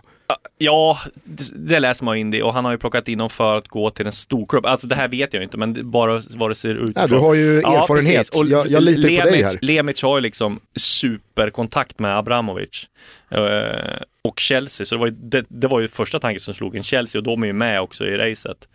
Eh, men samtidigt har ju Real Madrid också gjort... Han har gjort en del affärer med Tottenham också. Ja, precis. Men sen har ju Real Madrid också gjort sådana här statement i Ödegard. Liksom. Ja, vi ska ha honom, vi är Real Madrid, vi har tagit honom. Så det kan ju vara att de gör samtidigt. Men det är väl eh, Chelsea, eh, PSG och Real som är hetast. City har jag hört, in, har... Mm, nej, jag tror inte de... Jag tror att Nej, City tror Men jag där inte finns det nog eh, väldigt många, alltså, inklusive jag kanske, er också, som tänker Real Madrid, Ödegård. Mm. Ja, det är blev klart. det där Men, och Real och- Madrid känns det som det är bäst för AIK. Alltså, går han till Real Madrid, då blir han ju utlånad till AIK, garanterat. Mm. Alltså han kommer, eller så, ja, om de vill stoppa han i Castilla, men det tror jag inte de vill. Alltså, det tror inte han vill heller. Jag tror inte Eero rekommenderar det Nej, heller. precis. Och men sen då liksom, ja, vi ska gå, till, gå han till Chelsea, då känns det så här, ja men engelska klubbar, vad vill de göra? Nej, de vill ju inte låna ut Då går han ju till Vitesse. Nej, men- nej men typ, ja, men typ eller något sånt. De går ju till där de kan kontrollera tränaren, där de har ett samarbete med, eller så sätter de in honom i en miljö på lån i England där han kan liksom utvecklas i en engelsk miljö och få uppleva det. Men Chelsea så har väl det total kontroll över Vitesse. som. Ja, så är det typ. Och det ja. Och där kan man ju dra samma band, alltså den eh, italienska klubben som har nämnts har ju varit Juventus, Mm. nu var det ett tag sedan de var heta. Mm. Men de var heta för några veckor sedan i alla fall. Ehm, och där, där var det, jag skrev till och med till, till Disco då, men då var det många italienska kollegor som hörde av sig. Och sen studsade för någon vecka sedan var det många eh, kollegor nere från Neapel som Mm. började ringa och mässa och det började surras väldigt mycket eh, där nere i, alltså, eh, runt om eh, Napoli. Men, men där, är ju också, där kan vi se samma sak, Juventus, ja, Sassuolo utlån, Mm. eh, kanske Empoli och så vidare. Och sen var det också, det var ju på tapeten eh, i mitten av säsongen, eller om det var i början av säsongen, när Inter eh, ville köpa honom och låna ut honom till Cagliari. Det lät ju som ett ganska vettigt upplägg också, tycker Men jag. Real Madrid i framkant alltså. Eh, de brukar ju alltid fightas om guldklimparna med Mm. sin svurne antagonist Barca, men där har du inte, Jag har inte hört någonting. det Bara finns ingenting nej. där. Eh, jag och Thomas, eh, vi, vi eh, la ju ut texten här om eh, den eventuella övergångssumman, huruvida den skulle bli högre Ja. eller lägre än Zlatan. Och pratade i termer om att vi, man får se Mm. vad det blir. Man vet inte Nej, det. nej. det. Det blir så, det blir så oerhört eh, hypotetiskt Ja. bara och abstrakt att prata i konkreta siffror. Men det absolut sjukaste, det är ju det här. Och det är ju Björn Westerholm. Han kommer få ett helvete. Och det är ju helt sjukt. Alltså de här summorna som har nämnts nu på liksom 140-150 000. Vi säger att Euro. vi säger att, Nej. vi säger att Westerholm säljer ska vi, honom. miljoner ska vi säga. Ja, precis. Ja. Ja, precis. Vad, vad sa jag? då? Tusen 140 000. euro. Nej, Jag sa- 140 000 Nej, Jo, är. Nej, Ja, men 100 inte ens nej, precis. tusen euro. Nej. 1,5. 140 Hallå. miljoner svenskar. Nu inte får vi ens, inte koll ens, på inte ens nollorna. 1,5 heller, Nej, utan 15. Ja, sorry. 140 miljoner svenskar då, Ja. har det ju nämnts. Och det har nämnts som 100, att de har tackat nej till 100 och sådär. Vilket jag har extremt svårt att se. Det är klart de inte har tackat nej till 100 miljoner. Har Men- de tackat nej till något? Nej, det, det vet jag inte. Eh, men det har eh, jag tror så här att klubbarna vet ungefär vad AIK vill ha. Jag tror ju Ja, jag ville prata klart det här med Ja. Björn först. Ja. För det har nämnts så här hu- 140 och så här. Så att om man nu slår Zlatan-rekord, vi säger att Isak skulle gå för 85 miljoner. Då är det så här, ah, vad fan, fick vi inte mer? Fick vi inte mer än Zlatan-rekord liksom? Och vilket jävla otacksamt jobb ändå för honom. Ja, Och exakt. även om man säljt för 70, då är det ett misslyckande. Fast det liksom är för en 17-åring som har 10 mål i Allsvenskan, en egen produkt. Det är helt sjukt om man, om man skulle gå för det, tycker jag. Ja, jag håller med. Det är, alltså, AIK måste upp på över 150 miljoner kronor för att alla ska, vara- för att alla ska vara För nöjda. att fansen ska vara nöjda, det är helt sinnes. Men Det eh, kommer ju aldrig hända att de går för 150 miljoner. Men, men över 100 tycker jag känns rimligt eh, med tanke på de klubbarna som nämns, om det är lite dragkamp mellan, mellan Ja. de här. Jag skrev i en bra, det här var ju liksom när han, när han har gjort fem år, jag sa att det kommer aldrig bli Zlatan-rekord och, och jag sa att någonstans mellan 40-50 miljoner, för sådana affärer görs det inte. Men det är klart att har han gjort tio, när han gjort 10 mål, liksom, det gäller ju inte då. Men det, det är så roligt så här, för eh, man brukar alltid få skit för, för, och fansen när man, när man liksom, ja ah, men vad fan så högt ni i media bara överdriver övergångssummor och nu fick man skit för att man, man, man låg lite lågt så man kan liksom inte. Du kan inte heller vinna. Nej, det är helt omöjligt. Men du känner dig trygg i att säga att han kommer gå i vinter? Ja, det gör jag. Och, Det vore extremt konstigt annars. Det är om man själv säger så här, bara, nej jag vill inte. Nej. Och det är svårt att säga. Även fast jag tror att de skulle må bra. och med din bild av AIK och deras ekonomi, vad skulle AIK inte kunna tacka nej till? 100 miljoner tackar de aldrig nej till. Finns inte en chans. Men 60-70 skulle man ha råd att tacka nej till. men se, ja. ja, det tror jag. Alltså, jag- tror så här, om inte de här summorna hade nämnts i, i, i olika utländska medier så tror jag man hade tackat ja till 60-70 miljoner och en fin vidareförsäljningsklausul.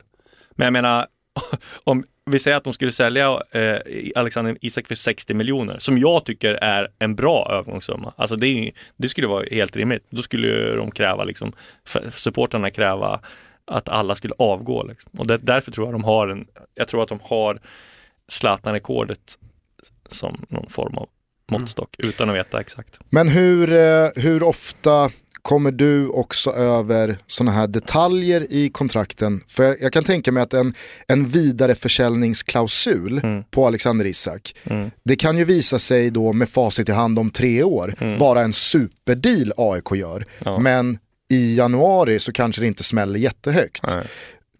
Men, men, det låter lite på dig som att AIK vill ha hela kakan direkt. Ja, det känns ju så. Men nej, jag tror att de kommer skriva in någon vidareförsäljningsklausul, men det kan ju vara liksom 5 procent. Vi ser att de säljer honom för Zlatan-rekord. Men sen kan det vara att de säljer honom för 60-70 miljoner, vilket de inte kommer göra nu. Då kanske man skulle haft en klausul på 25 procent eller 20 procent. Hur... Över det går ju, det var ju Kim Källström som gick för, som hade 50 procent, men det finns inte längre sådana. Hur mycket prestige upplever du i uh, ditt lilla skrå att det är kring Alexander Isak? Alltså vem som tar den? Nej, så här, inte så, inte så mycket faktiskt. För att alla sådana här övergångar som ska gå till större klubbar, alltså det, det läcker ut till eh, utländska medier så här. Du har ju sett nu, Victor Nilsson Lindelöf, menar eng, engelsk media skrev om United för att, två veckor sedan. Och, sådär. och samma sak med Gudetti och så här. Det är jäkligt svårt att vara på tå där, men samtidigt är det, det är klart det skulle vara grymt att kunna avslöja det. Det hoppas vi kunna göra. Mm. Ja, då kanske du eh, får ditt stora internationella break. ja, exakt. Jag menar, att Allan Kuhn får sparken och att Malmö FF tar in Magnus Persson, Internationellt, det, det krusar det ju inte Portugals nej, nej. Eh, mediala radar. Inte direkt. Ja, ja. Eh, ska vi trumma på med lite lyssnarfrågor? Det har ja. kommit in väldigt, väldigt många lys lyssnarfrågor. Eh, en, en är ju faktiskt kring Gudetti, har, har, du någon koll på vad som händer? Det, det är ingen supersäsong. Nej, men jag tror han blir kvar. Mm. Jag tror han kör på där. Det vore, jag tror det var lite prestige för honom också nu och eh, liksom att dra redan nu. Mm. Han, jag tror han trivs så bra. Vad pratar man för summor kring Nilsson Lindelöf? Ja, det sägs ju att han har en, en klausul på, vad är det, 30 miljoner euro va? Eh, och där var det, ja, det är ju som de har skrivit tidigare, United som ligger i framkant. Men, ja, Vet du vad jag är så jävla trött på? Nej. Följetongen som är hur mycket VSK ska få. Alltså jag, jag hade ju Mjällby med. det börjar bli, det börjar bli så, trött på det. Lös det bara. Ja. Alltså lös det bara. Kom fram till en procentsats och lös det. Jag orkar inte höra mer om den där tvisten. Eh, Oskar Johansson han undrar om DIFs nästa tränare. Det är ju klart, det blir ja. Öskan. Eh, vet du om det fanns några andra alternativ eh, i spel? Ja, Dempsey var ju ett såklart. Han ville de ju ha kvar, mm. men han ville ju inte. Högmo, var aldrig aktuellt. Högmo tror jag styrelsen var, var, lite inne på, men dels så satt ju han på en av skandal... Jag tror han hade en topplön i Europa när det gäller förbundskaptener, Högmo. Han hade grymt bra betalt i Norge. Fan vad pengar de har. Ja, det är helt alltså. sjukt. Ja, så att jag tror att det var aldrig aktuellt på det viset. Djurgården håller ju hårt i pengarna nu, även fast de har mycket pengar. Men nej, jag skrev tidigt att han var, inte var aktuell. Men sen har de ju säkert hört sig för med flera. Men det är väl något namn du vill? Ja, Kim Bergstrand och de har väl de också hört sig för, med Gerhardsson har de säkert spanat in också. Ja, fan, jag, måste, jag måste bara ta en egen fråga medan jag kommer ihåg den. Allan Kuhn, mm. eh, har du hört någonting efter att han sparkades från Malmö? För att jag klev ut och hävdade att jag tror inte att en enda allsvensk klubb är intresserad av Allan Nej, Kuhn. det tror jag inte. Jag, jag tror att han kommer hamna i Sönderjyske i Danmark. Ja. Han tar och... över efter Jakob Mikkelsen där. Okej. Lukas Berglund, han undrar lite om AIK generellt, om vi bara bortser då från Alexander Isak som vi har mm. avhandlat. Eh, vad är på gång där? Karlgren sitter ju i en speciell ja, situation. han drar ju. Han kommer dra? Ja, det tror jag. Utomlands? Eh, ja, absolut. Det är det han siktar på. Eh, har, du, har, du, hört någon klubb? Ja, Palermo ryktas de om. Kring? Äh, Karlgren mm. har jag hört, men det är inga så här konkreta heller. Alltså, känns ju spontant som man ska hålla sig lite borta från just Palermo. Samparini har vaknat här nu igen, sparkade ja, tränaren igår. Det är ju bra cashet.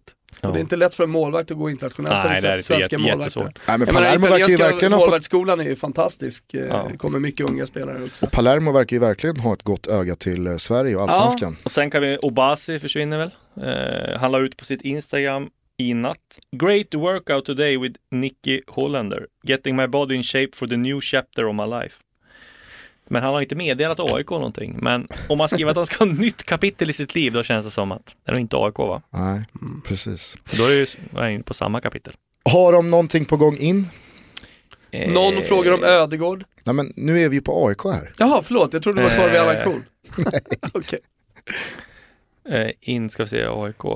Eh, nej, det är ju han Jesper Nyholm då, som- men det är ju gammalt. Eh, sen måste de väl säkert ha en ersättare till eh, Carlgren. Carlgren. Per Men Hansson hur- skulle hur- jag inte bli förvånad om de kollar med. Många har ju pratat om att eh, ja, men de kommer köra på Linnér. Ja, det, är, det har jag skrivit att jag hoppas de gör. Ja. Sen, men vinner man SM-guld med, med honom, 17 år, när vann en klubb, om man ser statistiskt. När vann en AIK har klubb? fått ganska bra utfall på sina 17-åringar Jo, jag i år. vet, men när, om man ser rent statistiskt, när vann en, en, en klubb SM-guld med en 17-18-åring? Ja, det, är väl, det är väl när någon kallade så här Svarte Erik på 30-talet eller något. Liksom. Ja. Maja, Maja Filip, Mm. något typ. sånt. Ja.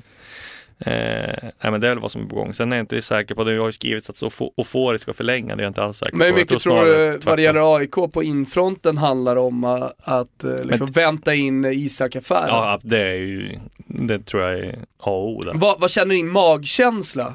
eh, att eh, rent timingmässigt, när säljer AIK? Tro, vad säger magkänslan? Ja men det väl vara nu i december, januari. Ja. Ja, sen, sen när åker de på träningsläger i februari. Mm. Du har inte hört någonting om Nabil Bahoui som sitter bakom kycklingen i Hamburgs frysbox? Men där är det också så här, liksom, det är ju så om man tittar rent statistiskt där också. Att spelare som går direkt, nu vill säga att en spelare har gått, ja nu var ju han i och för sig i arabvärlden innan va, men jag tror spelare som är sådär unga, om de går tillbaka, det tar lite grann på stoltheten. Eh, att ja, nu kommer jag tillbaka här, jaha det blir misslyckat liksom, och om de går tillbaka till samma klubb. Fast jag tror att i just fallet Nabbe så, Så skulle han, bra, han kan ju visa upp 30 millar och säga Ja. jag tog ett år Exakt. i Saudiarabien, jag jag, har det- 30 millar på banken. Jag tror han ändå är för ung för att gå tillbaka till, till AIK, så jag tror att de, de brukar sikta på något annat. Eh, det är någon som undrar här i samma AIK-spår, eh, Henok, hur, hur snårigt var det spåret i våras och vintras där?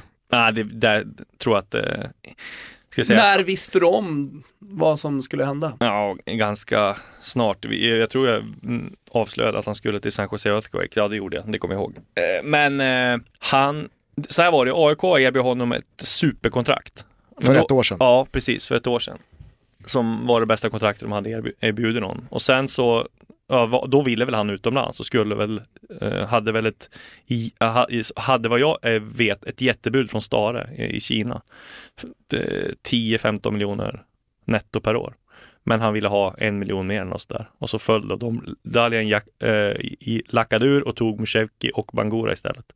Och, och sen- två veckor senare tränade Henok med Vasalund. Ja, och sen fick han skriva på för Getafe för ganska billig penning. Men sen så Och kom s- han ju hem, eh, Precis, och då hade ju, stod inte budet kvar, då fick han 40, ja, mm, 40 000 i månaden och en miljon i sign-on tror jag av AIK, för då hade de liksom inte de pengarna. Så då var det aldrig aktuellt tror jag. Okej.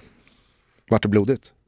Vadå? Skar det sig? Ja, det känns väl som det gjorde det där. Ja, i ve- det vet jag inte, men jag menar det känns ju så. Men sen om man kommer tillbaka nu får de väl gräva ner yxan då, men nej, jag har svårt att se det.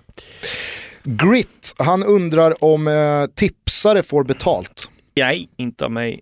Det var väl på den tiden Expressen, ja, Expressen och alla tidningar betalar väl tipspengar så här, men nej, jag gör inte det.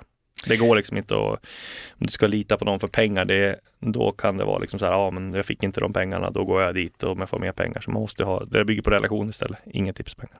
Och att man vill ha ryggen fri. Ifall någon får för sig jag fick pengar av. Ja, det skulle vara pinsamt. Det skulle vara pinsamt.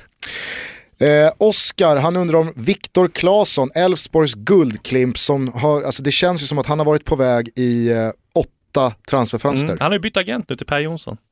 Eh, tar väl för att det blir en flytt också. Eh, det brukar vara så att när man byter agent så har de någonting klart. Det jag tror att han kommer... Och Elfsborgs aktivitet in här. ja, nu har man ju gjort klart med både Dyer och eh, Precis, men jag tror att det blir Slavia eh, Prag eh, där till slut ändå. Eh, det blev ju ingenting där för, eh, för ja, det var väl någon miljon och tjafs om hit och dit i somras. Så det, Jag träffade ju Crotones sportchef på deadline day mm.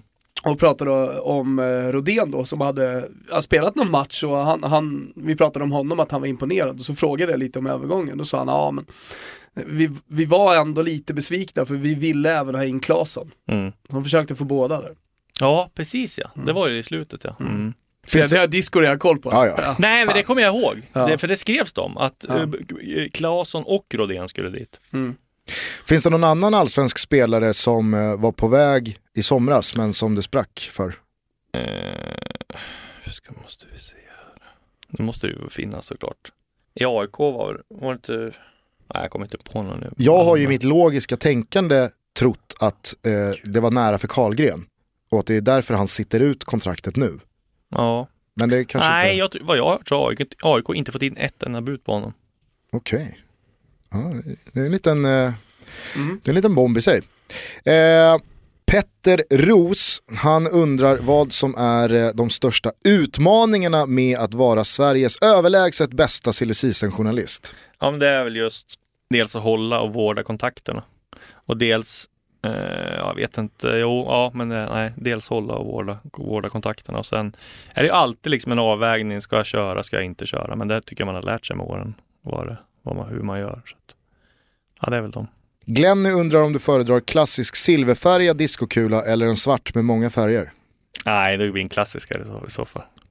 Eh, Jesper Karlsson eh, nämnde vi här, han är klar för Elfsborg. Eh, det spåret, Andreasson och Haglund, vad har de på gång? Finns det något mer att säga om Elfsborg? Nej, Jag tror att de är hyfsat färdiga i alla fall. Eh, om de inte säljer några. Eh, Jebali? Prodell är det. Nej, jag tror inte han, Han går blir kvar. nu. Ja, blir kvar. Protell då, det är ju Thomas Gubbe. Ja, där blir det, tror jag väl i så fall det blir Kina. Han har sagt väl på att casha in. Mm. Eh, Han har ju varit en liten sejour ja, utomlands. och han har ju Per Jonsson, per Jonsson har väl en del agent som har väl en del bra kontakter i Kina också. Har tagit dit Mange Eriksson, David Fällman och sådär. Så att det är nog inte helt omöjligt att det blir. Om det blir något liksom. Sen har jag ju läst några små blänkar om min gubbe, Per Frick. Han gör ju en stark höst här. Kan han hitta Per utomlands? Frick, varför, varför, varför tänker man på en 45-årig gammal gubbe när man hör? Nej, men det är ju Jim Per Frick, den gamla travkusken. där, ja. ja. Nej, han har jag inte hört någonting om faktiskt. Okej. Eh, och, eh, Får gnugga i, nu när Prodell går. Får han gnugga målen. men annars så känns ju Elfsborg som ett av allsvenskans mest aktiva lag i att värva från andra allsvenska klubbar. Ja, men det måste de väl göra med tanke på hur dåligt det gick förra säsongen. Men det, ja, men det är väl bra. De har ju värvat ju smart, Andreasson kan ju marknaden. De har tagit eh, Dyer till exempel och en kanonvärvning på, på boss, som bossman. Liksom. De brukar ju kika också lite mot eh, dina trakter, Gävle och Sundsvall Ja, men sen är det ju så här också, Elfsborg är den, den minst kontroversiella klubben att gå till. Dit kan, de kan ju ta från alla klubbar i hela Sverige. Det kan ju inte AIK, Malmö, Göteborg, Djurgården, Hammarby. Liksom. Elfsborg kan ju ta från allihop. Mm. Så att eh, där har de ju en fördel. Hur är relationen med Andreasson? Ja, den är bra. Han måste väl vara den som har varit längst på posten under din yrkestid? Ja, det är det nog va? Jo, men den är bra. Han är trevlig att prata med. Eh, avdelning DIF undrar eh, vad du hör om Kim Källström till Djurgården. Att det är extremt, eh, Otroligt. ja. Det är överdrivet det det han eh, ja, flörtar. exakt. Och sen är det så här också, okej, han har, vad har han, två år kvar på kontraktet i Grasshoppers va? Ett och ett halvt. Ja, ett och ett halvt. Då är han, ja han är lika gammal Han som mig. Alltså, ja, om han är född tidigt så är han 36 då när han ska tillbaka. ja, en 36-årig Kim Källström, jag vet inte hur mycket han kan tillföra i ett, i ett Djurgården. Nej, det, är ett ju skill- mittfält. det är skillnad på en 36-årig Isaksson och en 36-årig Kim. Källström på konstgräs. Men det är väl, ja, det, det, och det kan man ju inte säga någonting om, men det är klart att en Djurgårdsfansen drömmer om att vara nostalgiska med tanke på hur grymma de var, men jag tror att, ja, ska man lägga pengar på en 36-åring, eller? Nej, och, och inte där så. kickar väl den här eh, faktorn som du och jag har pratat om förut, att man vill vårda sitt eftermäle. Ja. Mm. Om Kim kommer hem och vänder som en Man vill inte finlandsfärja i en och en förstöra halv det säsong. fina han har gjort i, Exakt. i, i Och kostar tre Johan gånger så- Mjällby pratade ju om det, att han liksom nästan ja, men, bad om ursäkt för att eh, knäna inte riktigt funkade när han gjorde comeback i AIK. Men samtidigt kan man gilla också med de här som bara kör på tills de bara stupar som Foppa typ. Ja. Som borde ha lagt av för så länge. Men de, fan de älskar att spela, de älskar sporten så jävla mycket. Så de, ja, fan vi spelar, skit i dem. Ja. Att man får svälja stoltheten liksom. Erik Andersson undrar om du har någonting att rapportera kring Ljungskile. Ingenting. De har väl division 1 nu va? Mm, Så att- de åkte ur. Ja. Eh, Concha var ju där och plundra. Fan vad han kör Concha nu. Hur, hur, hur har din relation till Concha förändrats här nu efter att han blev sportchef i Öster? Nej, absolut ingenting. Ni har inte hörts i er nya relation, sportchef, eh, nyhets... Nej, eh, verkligen jagare. inte. Jag träffade honom på EM ganska mycket. Då var han expert i SVT. Mm. Nej, det är spännande att se hur han lyckas. Linus Westander undrar säkert eh, tillsammans med många eh, vad det var som gjorde att det blev Magnus Persson för Malmö. Eh, jag tror det var så här att dels har han ju en gedigen utbildning. Och jag menar, många klagar på hans CV, men jag menar, han är 40 år. Han har varit i Sirius, Åtvidaberg, Årborg, Djurgården, förbundskapten i Estland och Gais. Alltså vilken 40-åring, 40-årig svensk har ens fått erbjudande om att bli förbundskapten? Spelar ingen roll om det är Estland eller någonting. Jag tror att han... Sen kan jag säga att hans sejour i Estland som alla verkar måla upp som sjukt dålig. Och så hittar man någon estnisk eh, tweet om att så, ja, de skrattar liksom att han, han är på väg dit. Men, men eh, det var inte så kast alltså. Jag såg flera matcher eftersom vi jobbade med det EM-kvalet Gusten där, där jag tycker Estland Nej, stod upp bra. Och, ja, men, med ett skralt eh, material och inte så bra förutsättningar gjorde ändå vad han kunde tycker jag. Men sen är det också, han har varit en storklubb, han har varit i Djurgården, han har varit i Djurgården när det har blåst. Och det tror jag är viktigt också, att, man, att liksom, ja, men han vet när det blåser i Djurgården, då jävlar blåser det. Liksom. Och det är ju en stor klubb, har fått erfarenhet av det. Jag tror inte till exempel att, ja, det är klart att det är hårda krav i Malmö, men jag tror inte det är samma typ av det, det, det, det, är tryck och det, men jag tror nu när han kommer, men jag tror inte liksom fansen och det tror jag De agerar lite olika. Ja, kanske. precis. Jag tror att eh, kanske lite snällare fans i, i Malmö, även fast han och de har fått jäkligt mycket skit nu. Men eh, och det är klart att det kommer bli ett supertryck på honom i, i Malmö. Liksom han eh, är under luppen, de har tagit SM-guld och sådär. Men... men, men nu får han ju för första gången i karriären ta över ett favoritskap. Jag ja. menar, Djurgården var ju knappast mm. favorit att ta SM-guld när, när, han var där och, och Estland skulle, skulle inte direkt gå till EM i, i Frankrike. Mm. Eh, nu, nu får han förfoga över ett material och det är ju någonting helt annat. Eh, där hamnar en helt annan position och det vet man ju inte, men det kanske passar honom bättre. Ja, jag tror ju så här, man garvade ju mycket åt när han sa att Djurgården ska spela som Bayern München. Men jag tittar du på Djurgårdens spelarmaterial de hade då, visserligen var det ju eh, Magnus som värvade dit många av spelarna, eh, men han har ju erkänt själv att han skulle inte, han skulle inte vara manager, han skulle vara tränare liksom. Och det har han väl lärt sig också. Men de hade inte det spelarmaterialet för att spela den typ av fotboll han ville. Men nu får han ju ett lag som han kan spela som Bayern München med. Okej, kanske lite överdrivet, men i alla fall, han får spela den fotboll han vill. Och det tror jag har gjort också att de ser att han är, han är rätt man. Och sen ska man komma ihåg, han fick ju tillsammans med chefscouten eh, Khaled eh, El Ahmad jävligt mycket skit i Djurgården för alla de här värvningarna och den här spelomsättningen. Men tittar du på Djurgården idag? Ja okej, okay, de har kommit några placeringar högre, men det är nästan exakt samma ruljans på spelare. Räknar du spelare för spelare så har ju de värvat ungefär li lika mycket och ja, en del floppar, en del väldigt bra. Och jag menar Magnus Persson fick jobbet som förbundskapten i Estland. Eh, chefscouten i Djurgården, Khaled, eh, jobbar som eh, chefscout för New York City FC nu. Så att eh, jag menar, något, de kan inte ha gjort allt fel i Djurgården. Liksom. Ja, jag kommer ihåg när jag pratade med Pelle Olsson i fjol och jag frågade just om den här enorma spelaromsättningen. Så mm. Han bara suckade och skakade på huvudet. Ja, ja. Det, är, det är oerhört mm. svårt som ja. tränare när det är så mycket mm. in och ut. Ja. Eh, men många menade ju att Allan Kuhn var ett litet marionettval av Daniel Andersson. Finns det några spår av det tycker du i uh, Magnus Persson också? Nej, absolut inte. De, känner, de har spelat med varandra i, eh, i alla juniorlandslag tror jag va?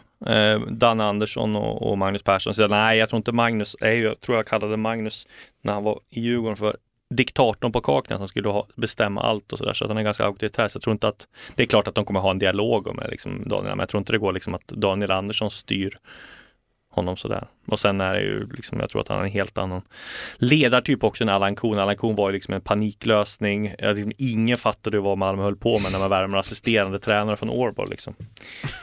Så att, eh, nej, jag tror det kommer bli bra med MP. Får vi se om jag har rätt eller fel.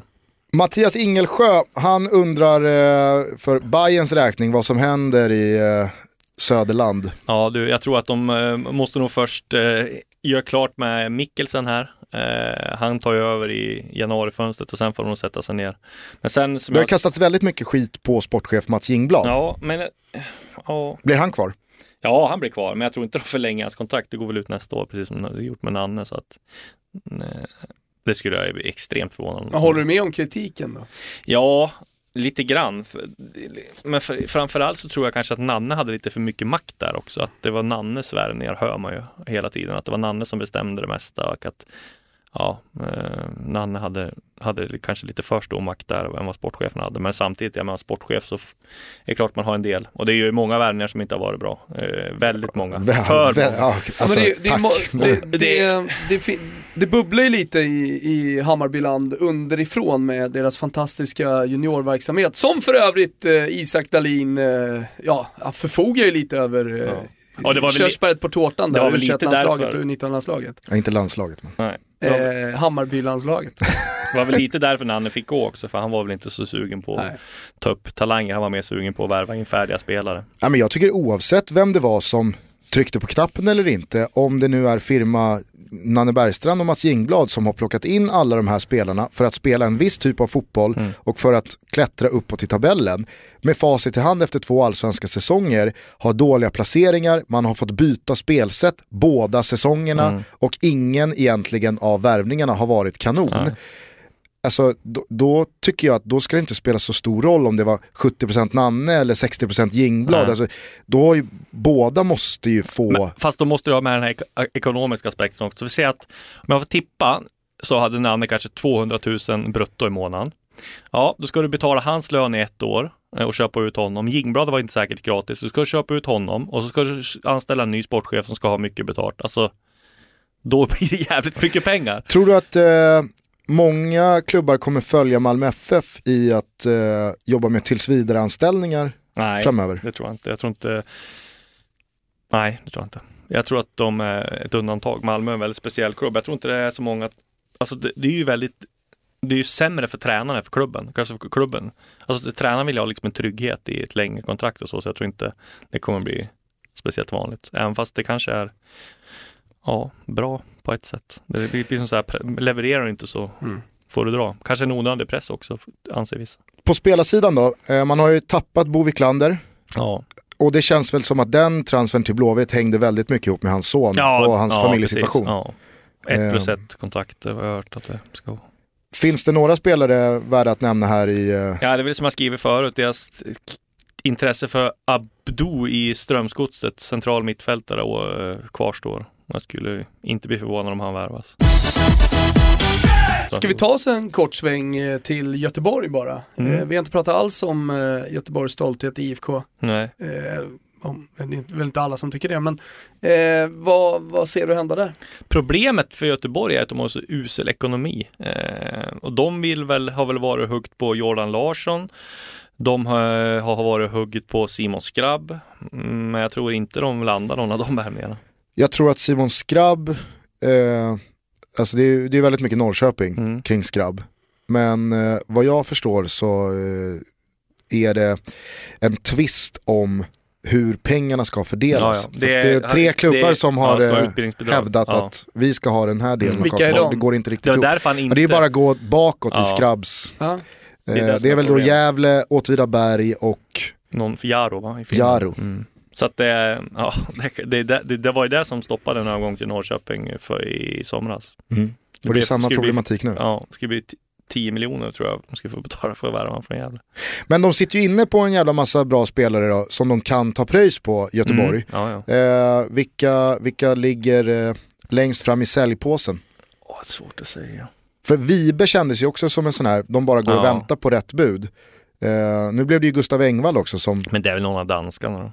Mm, vem, vem eh, Ja, jag vet inte. Ankersen har ytterbackar överallt. Men man hör då, dåligt från Göteborg nu också. Jag tror också att där hänger mycket på eh, ja, om de säljer någon eller inte.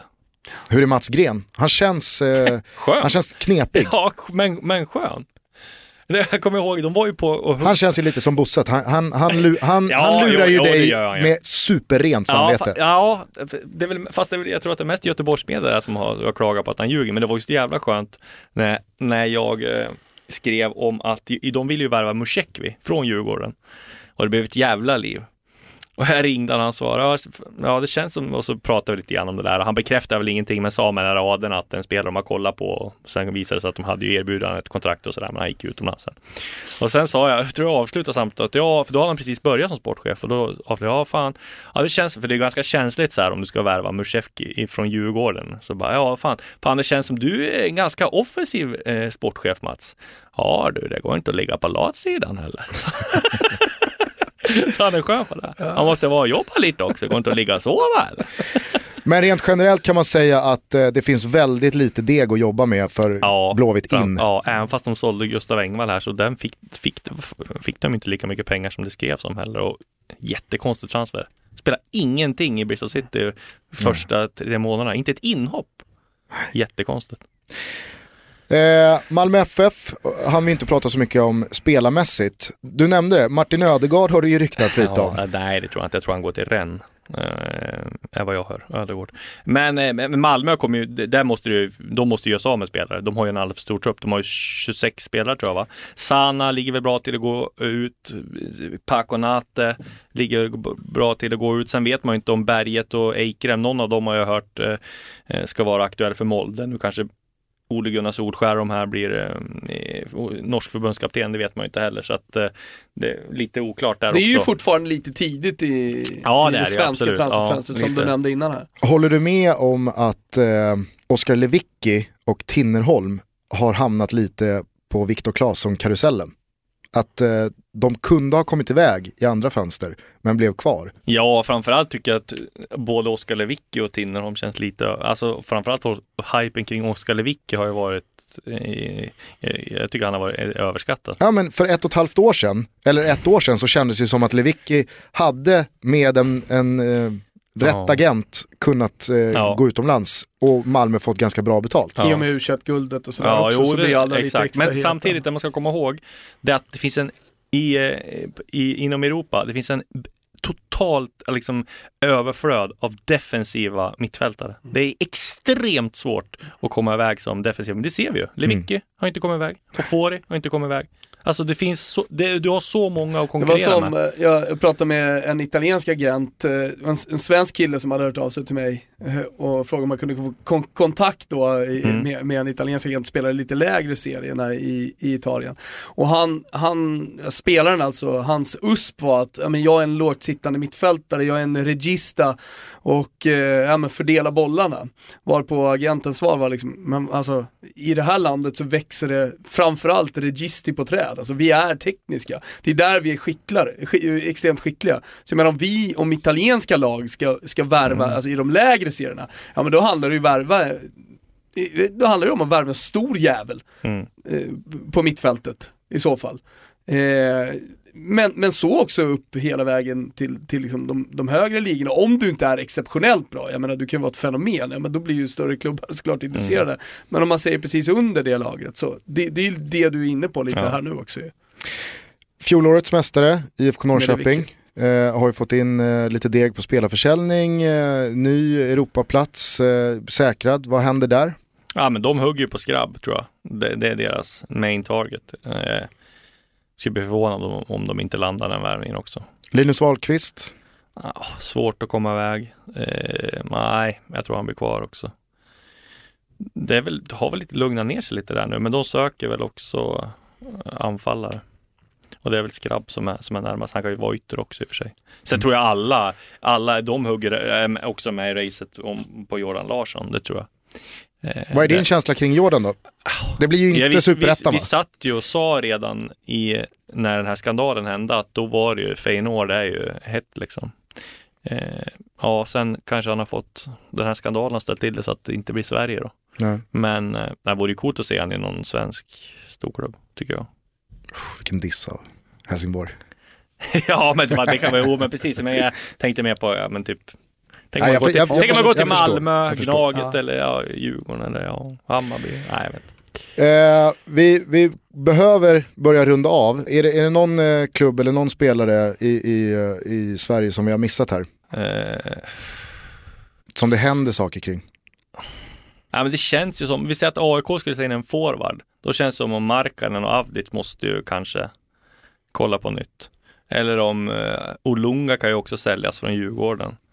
Eh, och sen i Malmö då kanske Berget och Eikrem, de måste ju också het, heta på för utländska klubbar.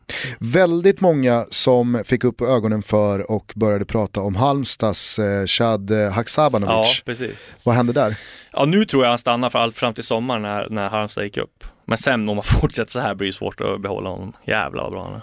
Vilken jävla generation eh, Ja. Sverige har på gång alltså. Jag ska se här om det är någon eh, fråga som har missats. Kristoffer Olsson, du har inte hört någonting kring eh, U21-kaptenen? Nej, ingenting. Det snackades lite Norrköping Ja. och Men det är en central mittfältare, där har de det bra ställt. Sebbe Larsson ploppade ju upp eh, med AIK-kopplingar Ja, för några veckor Hammarby sedan. har ryktats om det jättemycket. Och, Ja. Men nej, han Ingen stannar substans. utomlands ett kvar till. Ja, absolut. Den lönen i Sunderland kan ju ingen ta. 550 000 pund i veckan. Du nämnde eh, Gerhardsson, att eh, han hade pratat med Dalkurd. Finns det någon eh, spelare som du vet är på väg Nej, in eller jag ut? såg den frågan också, men det, var, det är väl Gerhardsson att få hålla till godo med det. Johan Eklund från Giffarna förresten. Till Dalkurd? Ja, kanske. Okej. Men eh, då var det på tapeten. Alltså, Urban tömmer hela, hela anfallsbesättningen på ett kalenderår. Ja. Urban Men Johan Eklund gjorde ju ingen Sundsvalls, bra eh. Nej men han var ju fyra där eh, Ja. i våras och sen så efter att de släppte både Dibba Mm. och Hassani så kändes det som att okej han kanske, kanske kan vakna här nu Eklund-gubben. Nej, inte. eh, har du svårt att, eh, nej jag, jag vet ju att du inte har det för jag läste ju din senaste text där när Sundsvall valde att släppa Roger Franzén. Ja. Men har du, När han fick sparken. ja, och det skrev jag. Finns det på något sätt någonting som skaver i dig att Nej, absolut, Granska och vara kritisk mot Giffarna? Inte. Absolut inte. Det kommer komma mer, kommer, kan jag säga. i, ingenting du vill? Nej. Marcus Bylund, vår gamla kollega på Eurosport, han undrar eh, om MLS-svenskarna. Är det någon eh, som är på väg hemåt? Henok kanske? Ja, eh, nej, inte hemåt tror jag. Det ska vara Erik, Erik Friberg om han flyttar hem till Göteborg, men eh, alltså, nej, jag vet inte. Han går ju bra där i Seattle. Ja, det är finaler. Mm. Final som väntar. Och jag pratade faktiskt med Erik Friberg igår och han, eh, Thomas, eh, han, han eh, bekräftade att det är större att vinna semifinalen då och att vinna sin konferens än att vinna hela nationella Hur kan det MLS. vara det? Ja, jag, han sa det att jag fattar själv ingenting Nej. men eh, Jag dricker ur Ja, pokalen och Ja, exakt. glad. Han sa, jag frågade klart och tydligt, är det det här som är den viktiga vinsten? ja, okej, då kör vi. Den andra är, det är lite som den här när man körde superkuppen mellan kuppmästarna och, eh, Ja. att det är, så här, det, det är en liten bonus, det är väl kul om man vinner. Men konferensfinalen var tydligen det, det, det viktiga. Ja, ja. Eh, ska vi bara ta en eh, sista fråga här. Eh, Jonathan Stagman undrar om Pontus Engblom, han har ju varit väldigt het i Ja. Norge här nu och annonserat att han ska lämna. Utomlands, inte allsvenskan. Inte allsvenskan. Hör du, hör du något land? Nej, men det är väl, man kan väl lista ut vad han kan vara het för. Eh, Det är väl Danmark eller Holland eller något sånt där. Inte något. Då tycker jag att vi avslutar med eh, Per som frågar den eh, lite mer generella frågan. Hur skiljer du ut vilka rykten som verkligen har substans? Ja, men det får man ju kolla upp då med... eh, Men finns det saker som du bara viftar bort att nej? Ja, det finns det. Och vad, vad är det som... Eh, Nej men alltså fullständigt orimligt, till exempel, eh, ja men det var ju ett eh, rykte om att Sebastian Larsson skulle hem till Hammarby i somras liksom. Som jag fick jättemånga frågor om. Men det, det finns ju inte på världskartan. Ska Hammarby eh, ta över en lön på 500 000 i veckan liksom? Hur ska de ha råd med det? Varför skulle han flytta därifrån nu liksom när han kvar på kontraktet och sådär? Så det är ju väldigt många sådana där. Och, och dessutom så är det ju liksom, det är ju Kennedy de värvar. Eller Roy Hodgson till Malmö liksom. det var också så här sjuka rykten som gick. Men eh, hur mycket fanns det i Svennis-grejen? Ingenting. Äh, du plojade bara nej, med det. Nej, plojade gjorde jag inte. Jag skrev bara. Vi, alltså, det, det Nej, men för är- Thomas satt här och sa, fan di- disco, disco drog ändå upp Svennis ja, lite men alltså, för det mycket. Var, det var bara för att... Eh, eh, eh, Var det ja. bara för att finta bort? Nej, nej, det var det inte. Men alltså, det var ju bara namn som var ledig. Och det hade varit, hade varit fantastiskt coolt att se han i Malmö, men det, alltså, det kommer ju inte hända skrev jag också. Så att det, eh, och sen drog jag den där anekdoten med när, när han ska värva Attilio Lombardo till, eh, till Berätta. eh, Lazio. Nej men alltså Svennis var ju mästare på omklädningsrummet. Alltså eh, han var ju den, den som dåtidens, Mor, som Mourinho var tidigare, som han inte är nu. Han hade, ju- liksom, kunde ju få en grupp att bli sammansvetsad och han hade ju det där, kallades ju för Mister och Maestro och alltihop. Då var Allan Boksic skulle ju eh, skulle, skulle få chansen att start, superstjärna värvad till alltså liksom. Eh, hade inte spelat på länge. Ja, så satt han och gnällde i omklädningsrummet. Vad fan, är, tröjan eh, är, är liksom för, för, för tight. Jag kan inte ha den här på mig liksom, nummer nio. Så fick Svennis reda på det här, så kom han in, är det något problem här eller? Ja, det går, min tröja är för tight, jag kan inte spela i den. Nej, okej, men då kan du inte spela alls. Och så blev han utanför truppen liksom. Eh, så han ville inte ha sådana där eh, eh diver. Så, så gick han upp till han skulle värva ihop ett lag då, så visste han att Attilo Lombardo, det var ju liksom... The Bald Eagle. Ja, precis. Det var liksom en clown och en spexare som kunde skapa bra om, i, eh, stämning i omklädningsrummet. Så går han upp till Cragnotti eh, och säger så här, ja, vi ska värva en spelare. Ja, vem då? Ja, jag vill ha Lombardo. Cragnotti bara, Lombardo? Spelar han fortfarande? Spelar han i Crystal Palace, då värvar han därifrån. Och det har Svennis berättat sen också att det var en jättestor viktig pjäs för att liksom Och det var den anekdoten jag drog upp i samband med att Allan Kuhn, han hade, för Allan Kuhns eh, ja, fall blev att han tappade omklädningsrummet mm. totalt. Spelarna liksom sket i han och började köra på egen hand och sådär. Eh, Okej, okay, nu är klockan 11.17 och eh, vi ska snart börja avrunda. Eh, du ska upp eh, en trappa här till eh, Expressen-redaktionen. Säg att eh, det här avsnittet kommer ut vid fyra tiden. Vad har hänt eh, på värmningsfronten då, eller vad skulle kunna hänt då? Nej, vi har ju, vi snackade om det lite tidigare om det här med Simons grabb och vilken klubb han skulle välja och lite om det här eh, förhållandet med, med utbildningsbidrag och sådär. Men vad jag har hört så väljer han IFK Norrköping. Det är dit han vill och den transfern är inte klar, men jag ser det som att det bara är formaliteter kvar innan han blir IFK Norrköping-spelare. Så du bara kastar in i din mobiltelefon nu och så ja, försöker du bekräfta det innan det här kommer ut? Då? Ja, jag tror att jag har det ganska bra bekräftat, så jag ja, tror okay. att jag bloggar om det. Är det någonting man har lärt sig i det här avsnittet så är det att om Disco skjuter, då ja. träffar han mål. Han missar inte längre. Det var, det var, det var, den, det var den sista eh, gubben eh, med Schalke-affären. Eh, vem var det? Det var Tette Bangura. Tette Bangura, Tette Bangura precis. Okej, okay, Simon Skrabb klar för Norrköping. Fint när det briserar lite bomber i, i Toto Balutto. Ja, underbart. Det är inte som när Konchavar inte bjöd på ens en hårfärg på ett jävla nyförvärv. Då blir man ju trött alltså. Hörru du, eh... Vi har ju en liten eh, stående grej med våra gäster, att de får välja låt. Och att vi, vi går ut på låt. Det har varit jättetrevligt och du är varmt välkommen tillbaka sen eh, när det börjar närma sig deadline-tider kanske. Det här är ju perfekt läge. Ja. Eh, men eh, vad, vad gillar du för musik? Vad, ja, vad ska allt, vi gå ut på? Allt, allt, allt. allt. Ja, men det, det är väl ganska givet att det ska vara någonting som det svänger om. ja men Disco Inferno blir det såklart. Ja, ah, vilken superlåt. Ja, vad gött. Eh, då Skitkul tycker jag att vi gör så här ja, att vi Skitkul. Eh, avslutar eh, dagens avsnitt med eh, Disco Inferno. Vi ska dessutom eh, påminna alla er underbara lyssnare att ni jättegärna får rösta på oss i finalen av Daytonas stora podcastpris. Vi eh, lyckades ju faktiskt ta oss till final i två kategorier, Årets nykomling och Årets sport och fritid. Vad vill du säga till alla som hjälpte till och nominerade oss? Kom så! ja men kör nu, sista. Tack så jättemycket, det är stor kärlek och sådär. Men nu vill man ju ta det här i mål va. Nu vill man ju landa pokalen så att säga. Eh, man vill inte komma tvåa som Disco brukar säga. Exakt. Och så glömmer ni inte allt vi sa om våra underbara nya kompisar på grandfrank.com. Allting eh, finns eh, dessutom i våra sociala medier om ni nu eh, glömde bort det som det här avsnittet inleddes med. Thomas har riktigt, riktigt tuffa tre veckor framför sig, men vi ska klara det här ihop. Eh, trevlig helg på er. Tack så mycket Daniel Kristiansson, DK. Tack så mycket för att du fick komma hit. Eh, så hörs vi snart igen. Ciao. Ciao.